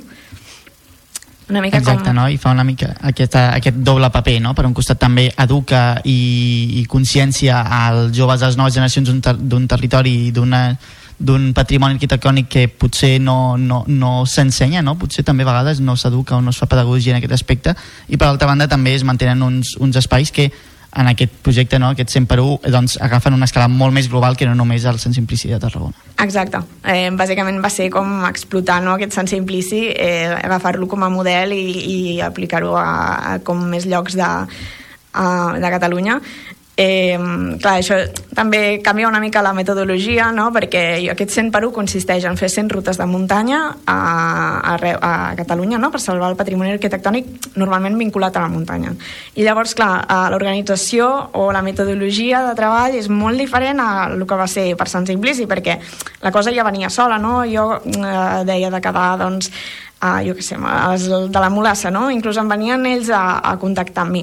I era tot molt més senzill, eh, parlàvem de lo mateix, jo la història l'explicava cada vegada i era la mateixa, no? I ara estem parlant de 100 elements diferents, eh, amb cadascuna una història diferent, no? I que jo d'aquell territori no, no és meu, no, no me l'he fet meu, i per molt que hi vagi, bueno, normalment hi vaig, com per fer-me'l una mica meu, unes eh, 3-4 vegades abans a córrer però clar, eh, no coneix millor ningú com la persona que és autòctona d'allí i, i que s'ho coneix, que està enamorada. Doncs com ja Sant Simplici, pues, eh, una persona de, jo què sé, un, han sigut historiadors, arquitectes arqueòlegs, eh, simplement gent que hi havia un advocat que simplement estava apassionat no, de, de la zona, llavors doncs tota aquesta gent, eh, aquests experts que els dic jo eh, doncs quedo amb ells no? i són els que fan l'explicació de, de tota aquesta... Bueno, acompanyen a la gent, ens acompanyen a nosaltres i fem doncs, a, doncs el que, la ruta, l'excursió en si, després eh, doncs un vermut, si a vegades l'Ajuntament eh, s'involucra i, i fa aquest, bueno, eh, aquest guinyo, no? com, com dir, bueno, eh, volem, volem, donem suport, no? Eh, d'alguna manera i, i bueno, això, clar, ha sigut molt diferent organitzar, eh, com, com deia 100 pujades de Sant Simplici que 100 rutes està sent molt diferent en, en el temps, sobretot a tot Catalunya, no? Eh, bueno, perquè, com dic, eh, eh, cada una té una història que jo no puc aprendre, que he de contactar amb mil persones. Eh, deia l'altre dia per Twitter que, que podríem, que, quasi que tindré els, els números de telèfon de tots els alcaldes de Catalunya, perquè, eh, clar, a l'hora de parlar, moltes vegades eh, jo ho faig a través de Twitter o, o a través d'un contacte que m'ha donat algú, que no sé què, al final tinc una agenda de telèfon ara que fa por, i, i clar, eh, respecte també al 2023 ha canviat una mica a l'estratègia perquè el 2023 era fer una ruta, l'organitzava, la fèiem, acabava. Eh, i seguíem així, no? I ara m'estic preparant com 10 rutes de cop, les pròximes 10 i a veure, a veure què, què anirà sortint. Jo crec que ara pues, és un moment més de pausa perquè és molt de feina de part meva però després hi aniran sortint una rere l'altra Uh -huh. De moment, Anna, en portes 5, no? De, Sí. de ruta 5, sí, no? sí, sí, com, sí. Amb, amb, com has dit tu, amb, amb 5 guies eh, Sí. professionals que coneixen el territori i acompanyat de, de molta gent. Com, com han anat aquestes rutes, per on s'han fet i quines sensacions t'han deixat? Eh, doncs la veritat és que han, han anat molt bé i, i per mi la més impressionant va ser la primera perquè clar, era un projecte nou que jo no sabia si em seguiria gent, a més fora de Tarragona no? que a Tarragona pues, més o menys eh, la gent ja em començava a conèixer però, però a fora no i clar, la primera va ser a Vilaverd un poble molt petit i va i vam, bueno, quan estava parlant amb el Martí que és l'expert eh, que és historiador, eh, me'n recordo sortint amb ell del bar per anar cap a on havíem, ens havíem trobat i trobar-me allí 60 persones esperant-me. Jo pff, eh, no m'esperava tanta gent una altra vegada. Eh, per mi va ser pues, molt agraït i, i de fet aquestes xifres s'han mantenint al llarg de totes les trobades. Potser en algunes ha caigut una mica més eh, quan el, no hi ha hagut el suport de l'Ajuntament com és el cas de quan ho van fer a Santa Perpètua de Gaià que de part de l'Ajuntament no tenia respostes no hi, havia, no hi havia manera com de contactar. Al final sí que vaig acabar parlant amb la- amb l'alcaldessa i que li agraeixo molt eh, pues, bueno, la, que, que vol participar no? però eh, pues ha costat més aquí a- al tema de la ruta i, i llocs com han anat molt bé com va ser la, la última que van fer a Montpaó, a Calafell eh, que hi havia darrere doncs, una associació del, pel patrimoni eh, que ja pues, mm, eh, ja en van invitar, però no només allí, sinó hi havia gent que, que deia, ostres, és que ens ha arribat el cartell informatiu, que, que jo comparteixo per xarxes, eh, que ens ha enviat una amiga d'Andorra, no? I és com, bo, com ha viatjat el cartell, no? Perquè eh, li arribi doncs, a tota la gent i al final la gent que està més a prop d'aqu- d'aquella zona, d'aquell monument, pues, s'hi acosta a fer, a fer la ruta, no? i bueno, com et comentava doncs els cinc elements eh, que, no, que no ho digui malament el primer va ser a la guixera del Tòfol que és una guixera que té una, una maquinària mm, que encara està allí però que li fa, té dos dies perquè els dies comptats perquè eh, bueno, és l'única d'Espanya i, i té la coberta que, que cau ja poc li falta. Eh, després hi havia bueno, els búnkers de l'Hospitalet del Llobregat ai, de l'Hospitalet del Llobregat de l'Infant, perdó. sí, exacte. Eh, també hi havia, com dic, a Santa Perpètua de Gaià el balneari de Cardó i Montma Montpaó de Calafell. Aquests I ser... quin és el criteri també a, a l'hora de- de- d'escollir de, una mica els, es- els espais, els jocs? Entenc que n'hi ha molts i també a vegades inclús deu ser complicat fer una tria. Quins criteris tens en compte? Sí, exacte. Eh, això és bastant curiós que uh, una vegada em preguntar i, i què ho esculls tu? A veure, eh, jo mm, sóc arquitecte i aplico com els meus criteris que crec que són eh, criteris com arquitectònics, de, tant arquitectònics en si com paisatgístics o eh, elements que crec que tenen potencial a l'hora de ser salvats. No? Hi ha vegades Eh, primer que ha d'estar com vinculat a la muntanya d'alguna manera, perquè si està molt a, dins el nucli no, i és com no, té, no parlem de, de que aquests dos teixits eh, s'han de s'han d'activar, no? Eh, ja és com és una mica com el discurs se, se trenca una mica, no? Eh, I llavors, bueno, això intento que, que agafar aquests com certs valors arquitectònics una mica i, i fer la tria. Jo tinc, bueno, de fet la volia portar, però me l'he deixat, una llibreteta que vaig apuntant com tots els llocs abandonats de Catalunya, perquè això és un altre tema, que el cercador de, de l'inventari de Catalunya eh, deixa una mica de, que desitjar, eh, perquè costa molt buscar les coses, no, no es poden buscar ni per estat de, de res, vull dir... eh, I llavors jo pues, vaig fent com la cerca no?, en diferents pàgines, que pues, la pàgina del modernisme i que està apuntat tots els edificis amb, amb valor eh, modernista de Catalunya i vaig mirant un a un si està abandonat, si no, eh, si està vinculat a la muntanya. Bueno, és feina una mica de, de ratolí, però Eh, però bueno, vaig tenir una llista molt xula a més l'altre dia vaig publicar a Twitter també una llista dels eh, 10 hospitals abandonats de Catalunya que una mica a vegades busco això no? eh, busco doncs balnearis eh, els balnearis de Catalunya que hi ha hagut i, i si n'hi ha algun que dona la casualitat que està abandonat com el, és el cas del balneari de Cardó no? que van fer la ruta i, i bueno, doncs, en el cas dels hospitals eh, farem un, com bueno, ja sabeu, bueno, no és hospital però és centre sanitari, podríem dir el preventori de la Sabinosa eh, i bueno, un element que ja us avanço que, que segurament sortirà dins dels 100 elements és la tabacalera on, bueno, mm, tinc alguna La de cosa Tarragona? pensada. Sí, sí. ja, Home, muntanya, muntanya no és, però... bueno, no, I ja, en abandonada... aquest, aquest cas no, però, però bueno, eh, jo crec que com a abandonada sí que podríem incloure-la, jo crec. Que no t'escoltin, que no t'escoltin des de l'alcaldia. Uh, però, però bueno, bàsicament, per exemple, el preventori de la Sabinosa potser podria tenir més, més eh, diguéssim, més recorregut, no? Com, com per entendre-ho de, com un element abandonat, de veritat.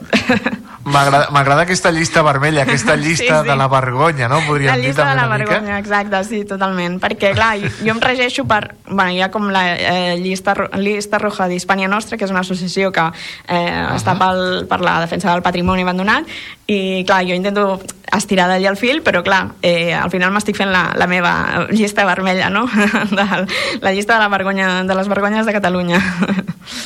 I Déu-n'hi-do, n'hi ha, n'hi ha un bon grapat, eh? Sí, sí, la veritat és que jo crec que me'n sortirien més de 100, però em quedaré amb les més uh, sucoses. Com has començat aquest eh, 2024, Anna? Eh, doncs la veritat és que molt bé per la part de que eh, m'he organitzat molt millor perquè clar, al final això és com que vaig aprenent no? una mica sobre la marxa Um, I aquest 2024 encara no he començat a fer cap ruta, però com he dit, m'he començat a organitzar les pròximes 10, així que bueno, ja en tinc algunes que jo crec que us podria dir, com per exemple a la sud de Xerta, que bueno, eh, encara he de parlar amb, amb, la, amb la gent involucrada, però bueno, ja està allí la llista en vermell. I, i bueno, altres elements doncs, eh, que anirem veient, com a Botarell, a Cambrils, així més per la zona. No? I també bueno, vull començar a fer les primeres incursions a Catalunya una mica més lluny de Tarragona, a una hora, podríem dir, per estirar una mica més la gent, eh, i, i anar, per exemple, doncs, a tot el que és als voltants, no? eh, a Noia, una mica com tota aquesta zona, més de la Barcelona central, podríem dir. I per anar tancant ja, Anna, també volíem que fessis una mica un petit anàlisi breu i resumit, també a què es deu aquesta degradació de, del patrimoni, qui creus que, entre cometes, potser en té més la culpa, per un costat potser les institucions públiques per la deixadesa, també el pas de la gent i el mal ús d'aquestes instal·lacions, què creus que també comporta o que causa aquest degradament del, dels territoris que visites? Eh, sí, jo crec que a Catalunya en concret, eh, però bueno, a tot arreu, eh, tenim un problema i és que tenim excessivament molt de patrimoni. Llavors, és impossible és impossible que amb els diners públics podem arreglar arreglar-ho tot, perquè si bàsicament busquem castells a Catalunya, hi ha una pàgina web que, que te marca els castells d'arquitectura bueno, medievals de Catalunya, eh, ja, ja veureu que n'hi ha centenars. I llavors és com eh, no, no podem arreglar o salvar tot el patrimoni eh, de Catalunya. Llavors jo crec que és important saber eh, analitzar o saber dir quins són realment els que s'han de salvar no? eh, i quins no. Intentar com seleccionar perquè no, no, aplicar una mica de filtre, no? com dic. Eh, des de l'administració, eh, ja, com dic, estan com Uh, n'hi ha masses, no? Eh, I al final a vegades vas veient com, com fan certs notícies o, o certs uh, certs, com diria, titulars eh, que fan una mica de por perquè eh, dius, ai mare, que perdrem tot el patrimoni, no? Eh, llavors intentar com, com centrar-nos en, en els... Bueno, el que intento fer jo és seleccionar els elements abandonats eh, que tenen més import, eh, tenen més valor o tenen més predisposició a ser, eh, a ser salvats. Anna, tenim el següent convidat eh, que cada 15 dies ens porta eh, molta cosa de l'art i la cultura i que vol saludar-te. Bueno, quina gràcia. Home, sí, amb, amb l'Anna realment tenim un personatge interessantíssim al Camp de Tarragona. Eh? Jo crec que us felicito per l'entrevista i per la feina que fa l'Anna amb, amb, el, amb el 100 per 1 que fa poc va estar per aquí la Conca. La Conca és una de les grans comarques sí. oblidada del patrimoni de casa nostra. Ell ha estat a Vilaverd, ha estat a, a Santa Perpètua de Gaià, vull dir, és una persona que s'estima molt aquesta terra uh -huh. i felicitats, Anna, per la feina que fas, volia fer públicament, uh -huh. que realment ojalà tinguéssim una, una, una Anna a cada demarcació o a cada, o a cada comarca que aniríem tots més tiesos de feina, la veritat. Moltes gràcies, Damià. Bueno, ja saps, ja saps que cadascú no està com de lideratge de la seva zona, com, com dius, i, i al final eh, és intentar treballar entre tots els que intentem salvar el nostre territori, el nostre patrimoni eh, i tirar-ho endavant, siguem els que siguem. Si som dos, doncs dos. Si som deu, doncs deu. Mira, en aquesta casa vam pujar Sant Simplici. No sé si se'n recordareu que vam fer un programa especial des de allà dalt a la torre. Per sort a mi no em va tocar pujar, ho vaig fer des de casa, però sí que amb l'Eduard i amb l'Anna allà fotíem vent aquells micros, sí, sí. anaven, bueno, allò... Va ser horrible per l'oient perquè no som sentir... Però no, no, preciós, preciós. Va ser molt divertit fer el programa allà dalt. Sí, sí. I tant, i tant que sí. Anna Zavalls, moltíssimes gràcies, gràcies. per acompanyar-nos aquesta tarda al Major i, i, i gràcies per, la, per aquesta jugués que, que t'hem fet amb el Dani Amorós que ara es queda amb nosaltres. Una abraçada, Anna. Una abraçada, adéu. Carrer Major, la proximitat del Camp de Tarragona. de les que el temps ha guarnit s'ha trobat arraconat un quadre gegantí doncs ja saben, eh, cada 15 dies ens visita el Damià Amorós, el nostre historiador de l'art, per parlar de moltes coses amb ell. Fins i tot avui ha volgut entrar amb l'entrevista amb l'Anna Savalls. Aquestes setmanes s'han entregat eh, diversos premis, premis de cinema, premis de teatre, premis de televisió. I avui parlarem dels premis, del seu disseny, si tenen alguna relació amb el món de l'art. Damià Amorós, et tornem a saludar, com estàs? Què tal, com anem? Ja, home, jo crec que sí, eh, que els premis i, i des d'antic tenen una relació amb el, amb el món de l'art molt interessant. Des d'antic? Des de quan sí, tot això? Mira, fins i tot eh, podríem arribar a parlar que, que es considerava una peça artística trofeus en època clàssica. A Tarragona, a l'amfiteatre, en tot aquest món que fèiem servir dels jocs grecorromans es donaven trofeus amb caire artístic als vencedors també és veritat que se'n feien d'ells mateixos reproduccions artístiques. Tots tenim el cas, el discògol de Miró, no de Miró el nostre, sinó de Miró clàssic, doncs uh -huh. són realment eh, personatges que han traspassat el món de l'esport i s'han convertit en imatges clàssiques del món de l'art. déu nhi eh, s'han convertit en imatges clàssiques del món de l'art que eh, alguns són més bonics alguns premis són més bonics que d'altres perquè alguns dius, ostres si t'han donat això Sí, no? plats i plaques i... no? Bueno, si és de plata tot es pot fondre o vendre, eh? Jo sempre tinc aquesta esperança, que si m'han de donar un premi que sigui una safata ben grossa de plata, no sé si és Roland Garros o un d'aquests que amb el, amb el segon no, Roland Garros és, la copa de los... mm, com diu? No, Roland Garros és la copa de, de los mosqueteros, aquí la de, copa de gran. los mosqueteros, sí, i llavors uh. -huh. el guanya d'Artagnan. I, i, I és de plata, clar, ho pots vendre, jo suposo que, que ho pots mm, monetitzar, que diria a dia d'avui d'alguna forma. Però sí, sí, mira, per exemple, eh, si us sembla farem un, una, una escala entre de trofeus des dels més importants que pot opt- optar el Nàstic de Tarragona fins al que té sempre, és a dir, començarem per la Champions fins al trofeu Ciutat de Tarragona, si us va bé, i repassarem els, els, els, els creadors, no? Per exemple, la Champions, la mítica Orejuda, l'orelluda, eh? doncs va ser Sí. un disseny del suís eh, J. Stenmal i cada any, cada edició no se'n fa un model, hi ha una plateria suïssa, la, la plateria Koch eh, Ant Bertula, o així semblant, de, de Zúrich, que en fa un model cada 3 o cada 5 anys. No sé si ho sabíeu, això. Els trofeus esportius, tant la Champions, la Copa del Món diria que també, la Copa Europea, la Lliga i la Copa del Rei, no s'entregui a cada guanyador, sinó que si es guanya seguit tres cops o cinc vegades un, en diferents temps, s'entregui Aquest se'l se queda en propietat, sí. Uh -huh. Clar, per exemple, crec que el Barça en va guanyar 5 de Copes d'Europa, doncs al seu museu n'hi ha 6. Les 5 que té reproduïdes per ell, pagada pel Barça, més la, cinquè, la, la, la cinquena, que és la que els hi donen, que seria la, la única original. El Madrid, que no sé si té 14 o 15 copes, en té Carai. dues o tres més, Moltes. perquè són aquestes que se'ls dona de- de- de- d'oficials, diguem-ne, no? Igual passa amb la Copa del Rei, com dic, i amb la Lliga. Parlant de la Lliga, la Copa de la Lliga és un disseny d'una joieria de Madrid que és catxundíssima, que és la, la joieria Alegre. Ah, mira. Eh, Catxundíssim. Mario. La Copa del Rei és un disseny de, de, de l'època del Fons 13 i, curiositat, se'n recordeu que Sergio Ramos la va fotre de la baix de l'autocar amb, Sí, sí, una, sí.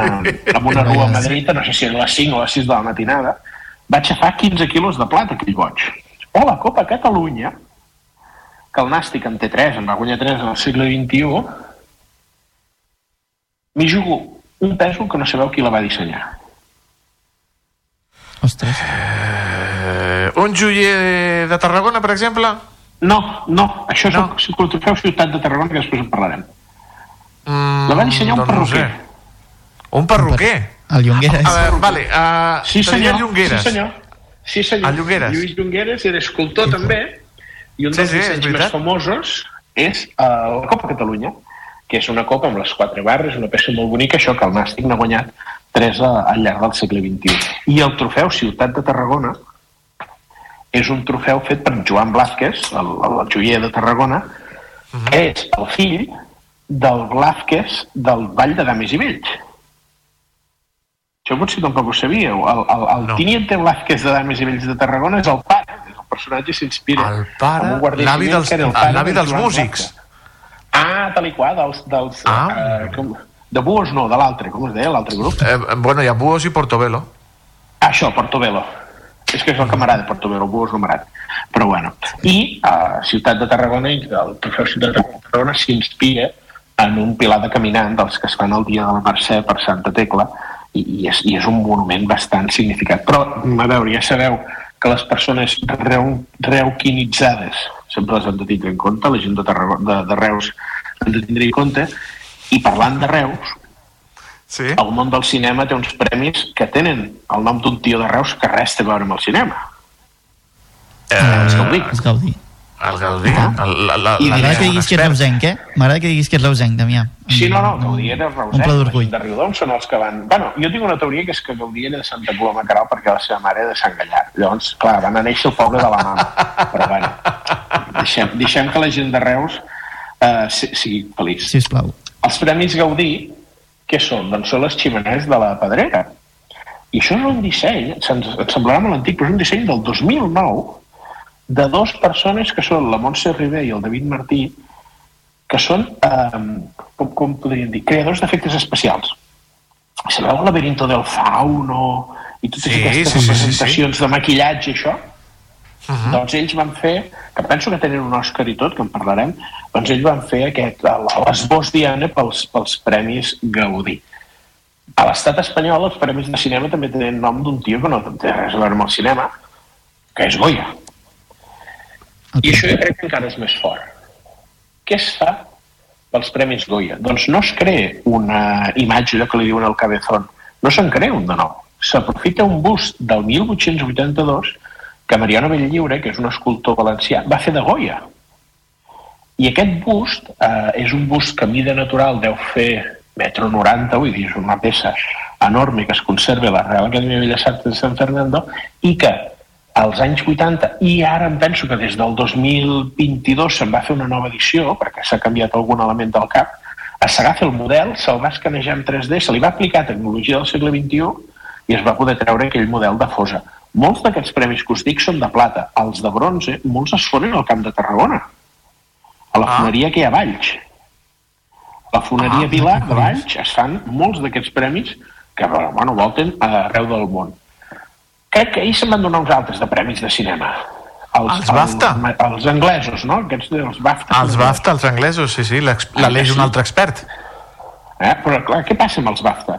Uh, són anglesos, però ells com que tenen aquest sentit colonialista van anar a buscar una peça clàssica i aquí ho podem linkar amb els, amb els frisos del Partenó, amb els marbres del Partenó perquè si us fixeu el BAFTA és una màscara eh, un disseny d'una tal eh, Mitzi Confile que s'inspira en una màscara clàssica, però si us fixeu és un bust d'un gust brutal, que podríem dir que està copiat d'algun dels gustos del Museu Arqueològic de Tarragona, però no ho direm, eh? No ho direm. I finalment els Oscars, no? els Oscars, que allò l'estatuilla, no? la, la mítica peça, que molts diuen que és d'or, és mentida, està xapat a mort, i els americans ens la foten doblada tota l'estona, i el món del cinema tot és mentida, que és una escultura art deco d'un- tio que es deia Cedric Gibbs, que va necessitar un paio mexicà per fer un model, eh, el model real de l'escultura dels Oscars, i el nom d'Òscar li dona una de les secretàries de l'Acadèmia del Cinema que diu s'assembla al meu tiet Òscar. I Òscar, Òscar, Òscar s'acaba dient els Òscars. A mi personalment m'agrada més Gaudí que Òscar. Però bueno. I Gaudí, sent arquitecte, també dona nom als Premis Gaudí Garzol de Reus, que curiosament tampoc tenen res a veure amb l'arquitectura. Això és una de les coses que hauríem d'estudiar. Quins noms posem als premis de casa nostra? Eh? Perquè a Montblanc, per exemple, hi ha els premis de literatura Pont Vell, eh? són coses que dius, home, si fos Pont Vell hauria de ser de, de navegació de riu o de construcció de ponts, no de certaments literaris. Clar, i si tens l'oportunitat també de reivindicar una persona que realment doncs, ha deixat empremta en el, en el sector, no? Jo crec que és més lògic. Jo crec que hauria de ser així, però sí que és veritat que moltes vegades eh, crec que a França els premis de cinema són el Cèsar, que també sí. es donen aquesta reivindicació històrica d'un passat tal. Sí que té sentit mm, lligar un creador artístic amb una obra artística, encara que no sigui pròpiament la seva disciplina, no? Però sí que de vegades posar simplement un nom perquè és un patrocinador i ara em ve al cap el Conde de Godó, que, que a RAC1 sempre sentireu torneig Conde de Godó, però a la resta de llocs sortireu torneig Banc Sabadell. Això té pebrots la cosa, no? O, o aquests noms que de vegades posem en alguns premis que eh, acaba de... Doncs, un nom amb ganxo sí que és veritat que el nom d'un artista ens pot servir. Potser la Copa Catalunya d'aquí uns anys es dirà trofeu Lluís Llongueres, per una cosa divertida. I llavors hauríem de trobar un bon imitador per entregar la Copa fent un discurset de Llongueres, no? Eh, M'ofereix m'ofereixo de voluntari per fer de, de llumers, eh? Veus? Veus? No, no, el, el, el, el, el món dels premis i l'àrea veieu que és inescrutable. I tant, i tant que sí. Nosaltres anem per l'Ondes. Aquell cavall alat... El cavallito Pegasus. alado, no? Sí, sí, i tant, home, que és, és, és xulo, Ara- ara a mi m'agrada. Pensant, estic pensant, l'Ondes crec que és un disseny que es fon també a la foneria Vila de Valls, que és el, el, el cavall alat de Ràdio Barcelona, seria aquell, aquell uh -huh. símbol, I, I el premi, que diria que aquesta casa o alguna de les ràdios l'ha tingut alguna vegada, que és el Premi de Radiodifusió, el Premi de Ràdio Associació de Catalunya, perdó, és un, una peça eh, eh, curiós. És un premi que és un micròfon dels que avui fa 100 anys es feia servir per fer ràdio, a principis del segle XX als anys 20, tant des de Barcelona com des de Reus. Ràdio Reus és una de les ràdios més antigues del país, igual que Ràdio Barcelona o, o Ràdio Associació de Catalunya, i es dona en aquests Premis Ràdio Associació un model de micròfon dels, dels anys 20, no un original, sinó una reproducció, però realment el món, com veiem, dels premis i dels, dels reconeixements, jo crec que moltes vegades va molt més enllà de qui el guanya, sinó de què li donem a aquella persona. No? Antigament es conferien medalles, encara dia d'avui, la Creu de Sant Jordi, que és un disseny dels joiers Capdevila, o, o medalles de, de l'estat espanyol que es donen, són dissenys de joieria, de l'artesania són solera, doncs jo sempre ho dic, no? Catalunya és un país que no sap condecorar, però hem de millorar els nostres premis. Ai, Damià Morós, com sempre, gràcies per il·lustrar-nos. Tornem a parlar d'aquí 15 dies. Una abraçada molt gran. Moltes gràcies. Vagi bé. Adéu. Adéu, adéu, sí, adéu. Cada tarda de dilluns a divendres fem parada a Carrer Major.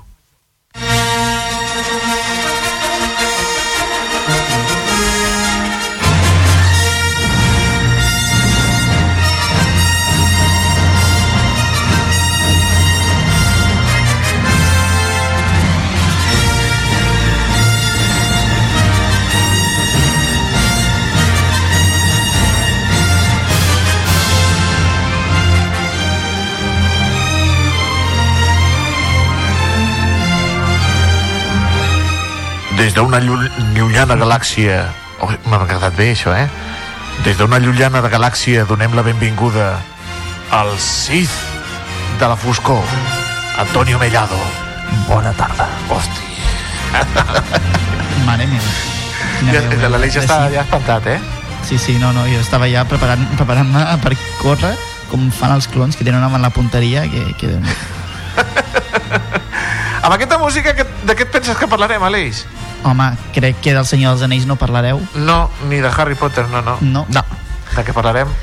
De Star Wars. Molt bé, Antonio. Sí, moltes gràcies. He donat la resposta a la que tothom estava esperant perquè no sabien. I és No. que avui, No. avui Toni Mateos, que sé que t'agrada molt també, anem a parlar de Star Wars, Sí. la mítica saga de cinema creada per George Lucas i que tants i tants diners continua generant d'anys després de la seva estrena. L'univers Star Wars és immens i els productes al seu voltant són molts i molt variats. I en aquests dies, Aleix, s'han subestat el guió que va fer servir Harrison Ford en la primera de les pel·lícules, és a dir, a Star Wars 1 o 4, eh, La Nova Esperança. Harrison Ford, que va ser l'inimitable Han Solo, mentre es rodava el film a Londres, va llogar una habitació a una família amb la qual va establir una molt bona relació. Deien els senyors que Ford era un noi molt educat i silenciós, que va compartir amb ells moltes estones i que quan va deixar l'habitació, a l'acabar-se el rodatge del film, es va oblidar algunes coses, entre elles el guió i el pla de rodatge que va utilitzar durant els sis mesos de treball als estudis Elstree de Londres. I aquest dissabte ha sortit a subhasta i un comprador ha pagat 10.975 euros pel guió. Els plans de rodatge han estat venuts per 4.400 euros. Al costat del guió de la pel·lícula, la part més del lot més eh, desitjada pels col·leccionistes, hi ha un parell de còpies d'aquest pla de rodatge i alguns apunts tècnics que el mateix Ford va fer en pòsits, eh? i una carta del seu agent en el qual apreta l'actor perquè signés un parell de contractes que tenia pendents. A l'actualitat, Lucasfilm atesora tots els objectes procedents de la producció de les seves pel·lícules en un arxiu amb seu en una localització desconeguda, Oh. tot i que s'especula que podria ser la zona de San Francisco, Sí. I al qual només es pot accedir doncs, a personal autoritzat, com si el seu contingut no fos secret d'estat, doncs el mateix. Sí. Però en els anys 70 l'equip de producció no era tan acurat i molts dels, dels objectes claus de les pel·lícules, peces que ara són història del cinema, van acabar en mans dels col·leccionistes. Quins són els objectes més cars de Star Wars que s'han pagat en subhastes o en fires especialitzades? Avui els tonis, els tresors més cars de Star Wars. I comencem... De menys a més, no, Toni? Sí. Vinga. Bueno, de menys, de menys seria un cromo, no? Però sí. allò, el top, el top, top, el top... El top màxim.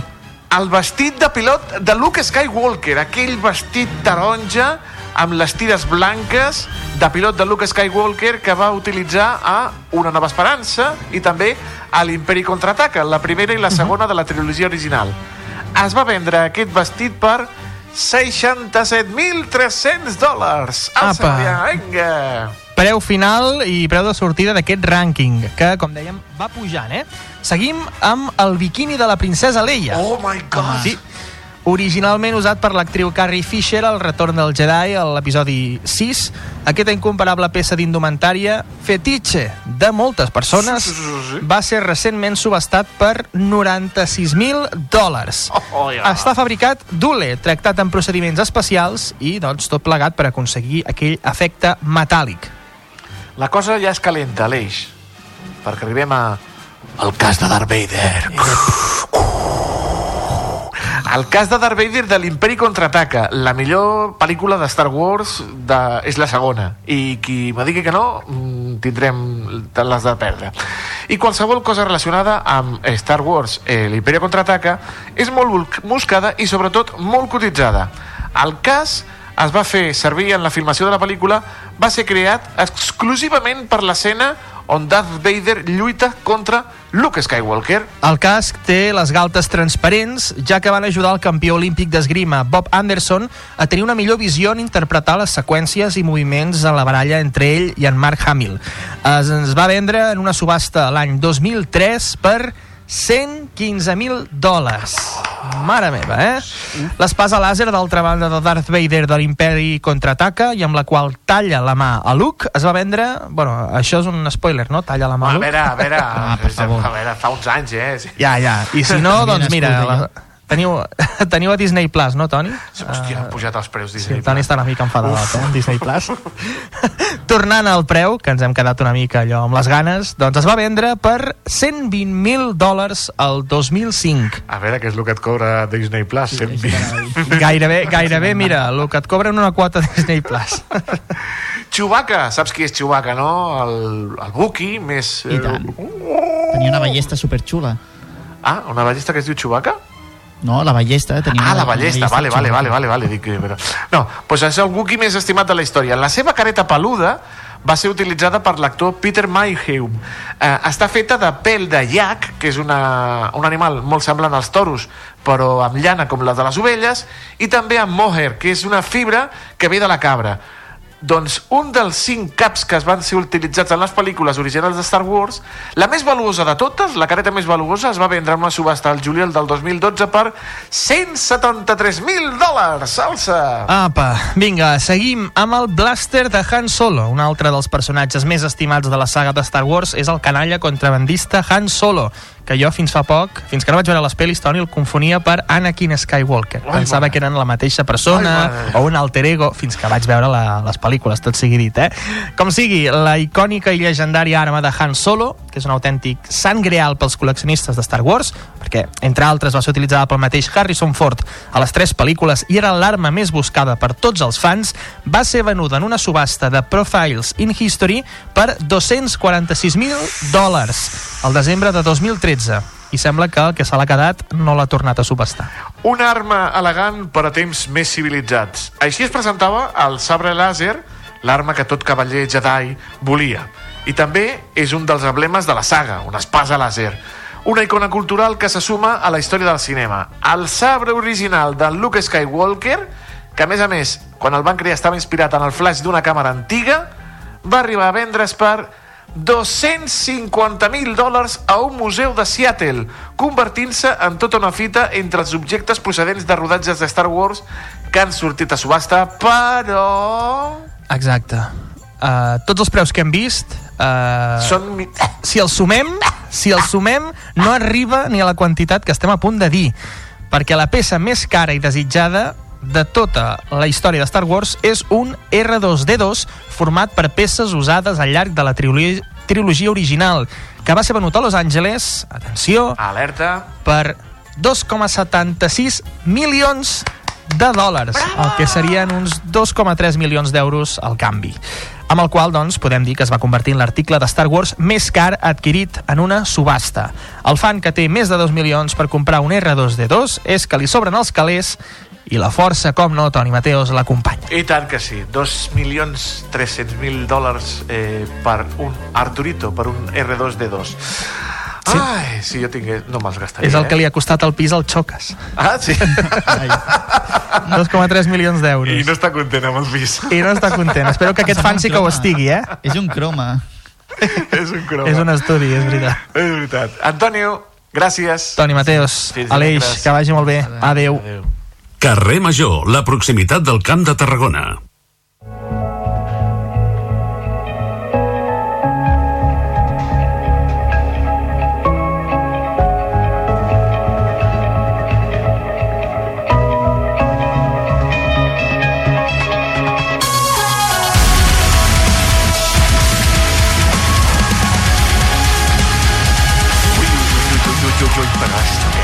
Això què és, Aleix? Això és... Alguna té un bon eh, dilluns, eh? Home, Alguna té un bon dilluns. Ah, segura, sí, sí, amb aquesta música. La que ens porta la banda sonora del Camp de Tarragona, la que ens porta cada dia el David Fernández des de la nova ràdio de Reus. I avui, doncs, amb aquest eh, rock potent i amb veu femenina. David Fernández, bona tarda. And find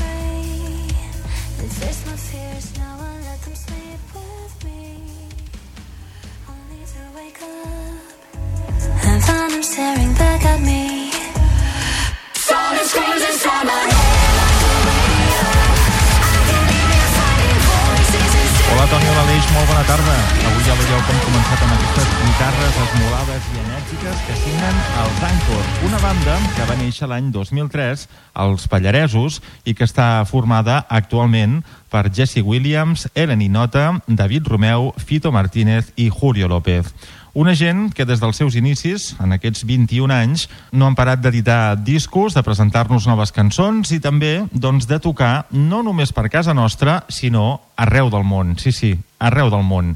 Una gent que, mira, perquè us en feu una idea, ara van tocar doncs, a meitats d'aquest mes de febrer a la Índia i ara, el 8 de març, comencen la gira de presentació del seu nou projecte, una gira anomenada, anomenada Dancing in the Dark Tour, que el 8 de març els portarà per Barcelona, el 9 de març a Madrid, el 10 de març a Bilbao i el 15 de març, ja amb entrades exaurides, actuaran ni més ni menys que a Londres.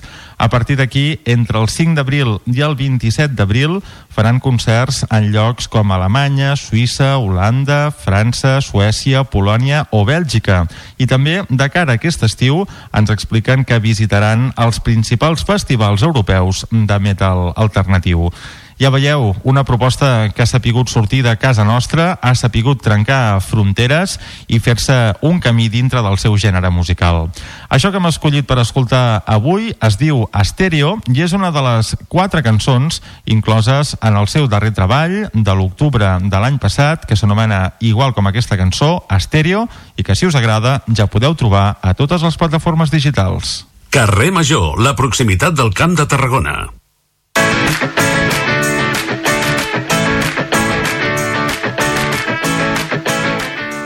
Doncs gràcies, David Fernández, per il·lustrar-nos amb la teva saviesa, amb la banda sonora del dia. Apuntem aquest nom i apuntem també la Cristina Artacho, l'entrevista que ens porta la Cristina Artacho, que avui ha marxat no sé on. Cristina, molt bona tarda. I benvinguts a tots i a totes un dia més aquí a la Furgó. Avui em trobo aquí al mig del pati del Campus Catalunya i és que la URB a partir d'avui tira endavant una campanya de donació de sang que recorrerà tots els campus perquè totes les comunitats universitàries de la universitat doncs, es puguin adherir i puguin fer aquest gest tan important, tan fàcil i que costa tan poc i que ajuda tant com és donar sang. Per parlar sobre aquesta campanya m'acompanyen per una banda el vicerrector de Compromís Social de la URB, el Jordi Diloli, bona tarda. Hola, bona tarda. I per altra banda, el cap territorial d'aquí la província de Tarragona i també les Terres de l'Ebre, l'Albert Soleil, bueno, del Banc de Sang, l'Albert Soleil. Molt bona tarda, Albert. Bona tarda. En primer lloc, eh, Jordi, senyor vicerrector, com funciona aquesta campanya que l'any passat ja es va fer una prova pilot i en aquest sentit és enguany com aquesta consolidació no, d'aquesta campanya de donació de sang aquí a la universitat. Bueno, esperem que sigui això, no? Una, una consolidació. De fet, eh, des del Banc de Sang i Teixits si es feien petites campanyes als campus, anava una mica, diguéssim, eh, lliurement, sempre havíem obert les nostres portes per la, per la participació de l'estudiantat en la donació de sang, però eh, l'any passat ens vam plantejar fer un petit canvi, que era fer com una campanya eh, durant un mateix temps a tots els campus que tenim a la universitat.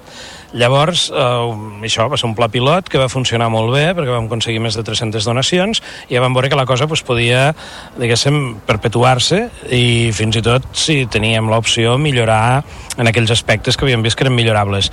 Aquest any ho hem fet així, hem portat unes carpes des del banc de sang i teixits i tal, per fer una miqueta pues, com a més, més estable, ho fem als CRAIs, llavors d'esta manera ja ho tenim com a més eh, estabilitzat dins de, tot, de tots els campus i a més a més pues, hem aconseguit la participació durant un mateix mes, que és el febrer, de tots els campus de la Rovira i Virgili, excepte el de les Terres de l'Ebre, perquè fan una campanya ells eh, de forma particular en un altre mes i, i tinc entès, si no m'equivoco, que si dones sang després has d'estar dos mesos o tres mesos que no en pots donar i com ells ja tenien previst això, pues aquest any no ho fan.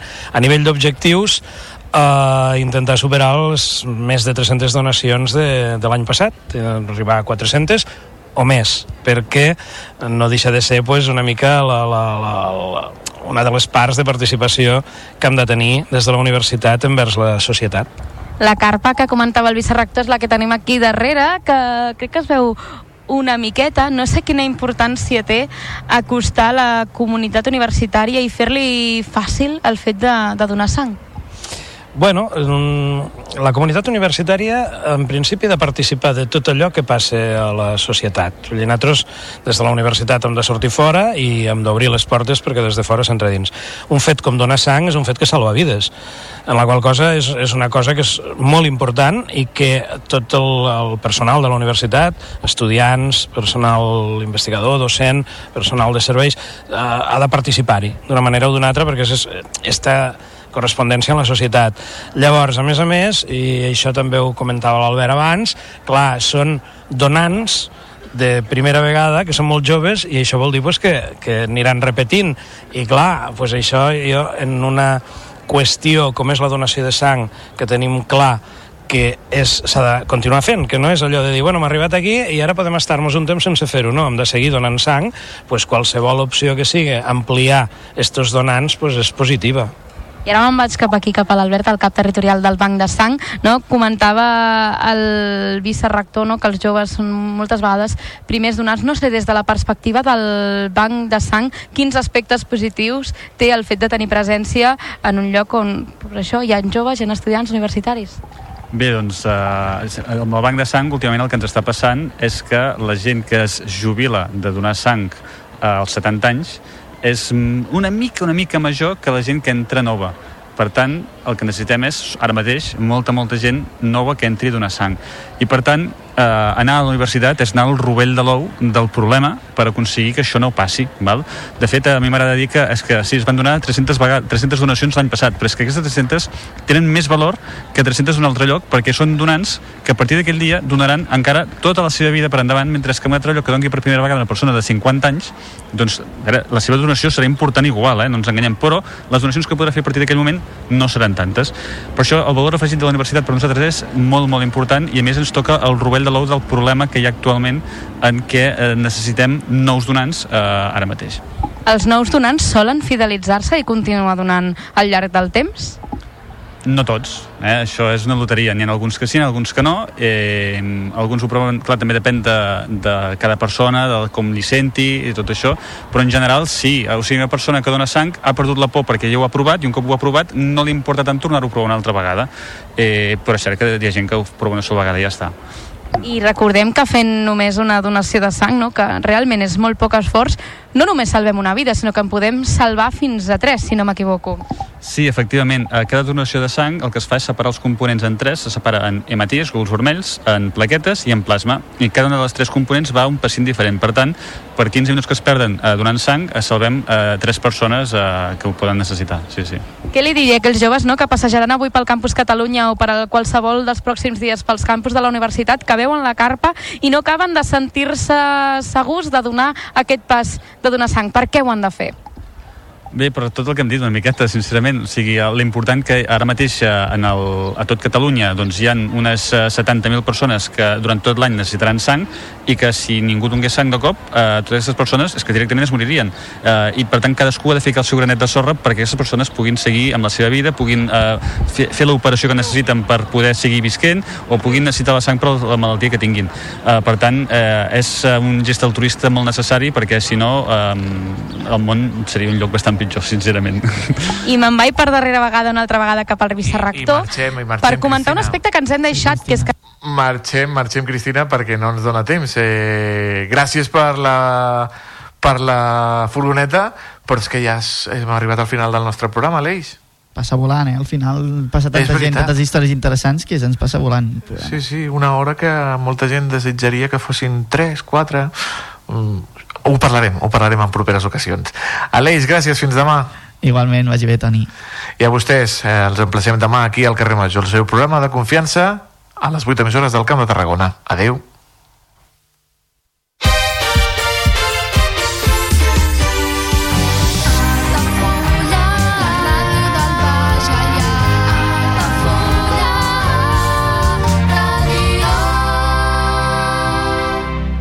Ja coneixes les propostes que t'ofereix el Club Marítim Altafulla? Vine i descobreix totes les nostres activitats. Sortides en caiac o pa del surf, cursos de vela per a totes les edats. No t'ho perdis. Club Marítim Altafulla. Obert tot l'any i per a tothom. Comunions 2024. Dates ja disponibles amb sales privades, jardí, pàrquing privat i la millor gastronomia. Més informació i reserves al 977 65 11 55 i a comercial arroba altafullamarotel.com o al web altafullamarotel.com. Les teves celebracions familiars a l'Altafulla Mar Hotel.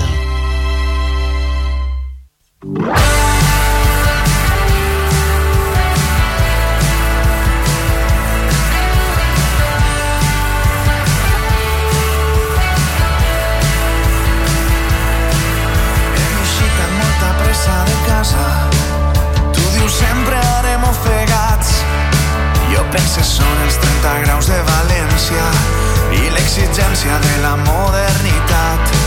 Vas conduint per l'albereda com si corregueres alemans. Et confesse que després de tres voltes no t'ho he dit, però m'he marejat.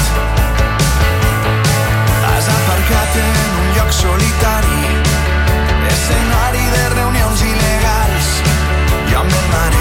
suor a les galtes, tu més calmada per la puntualitat. Llavors la multitud hem accedit a la carpa, on fan la funció equilibristes i mags. No sé per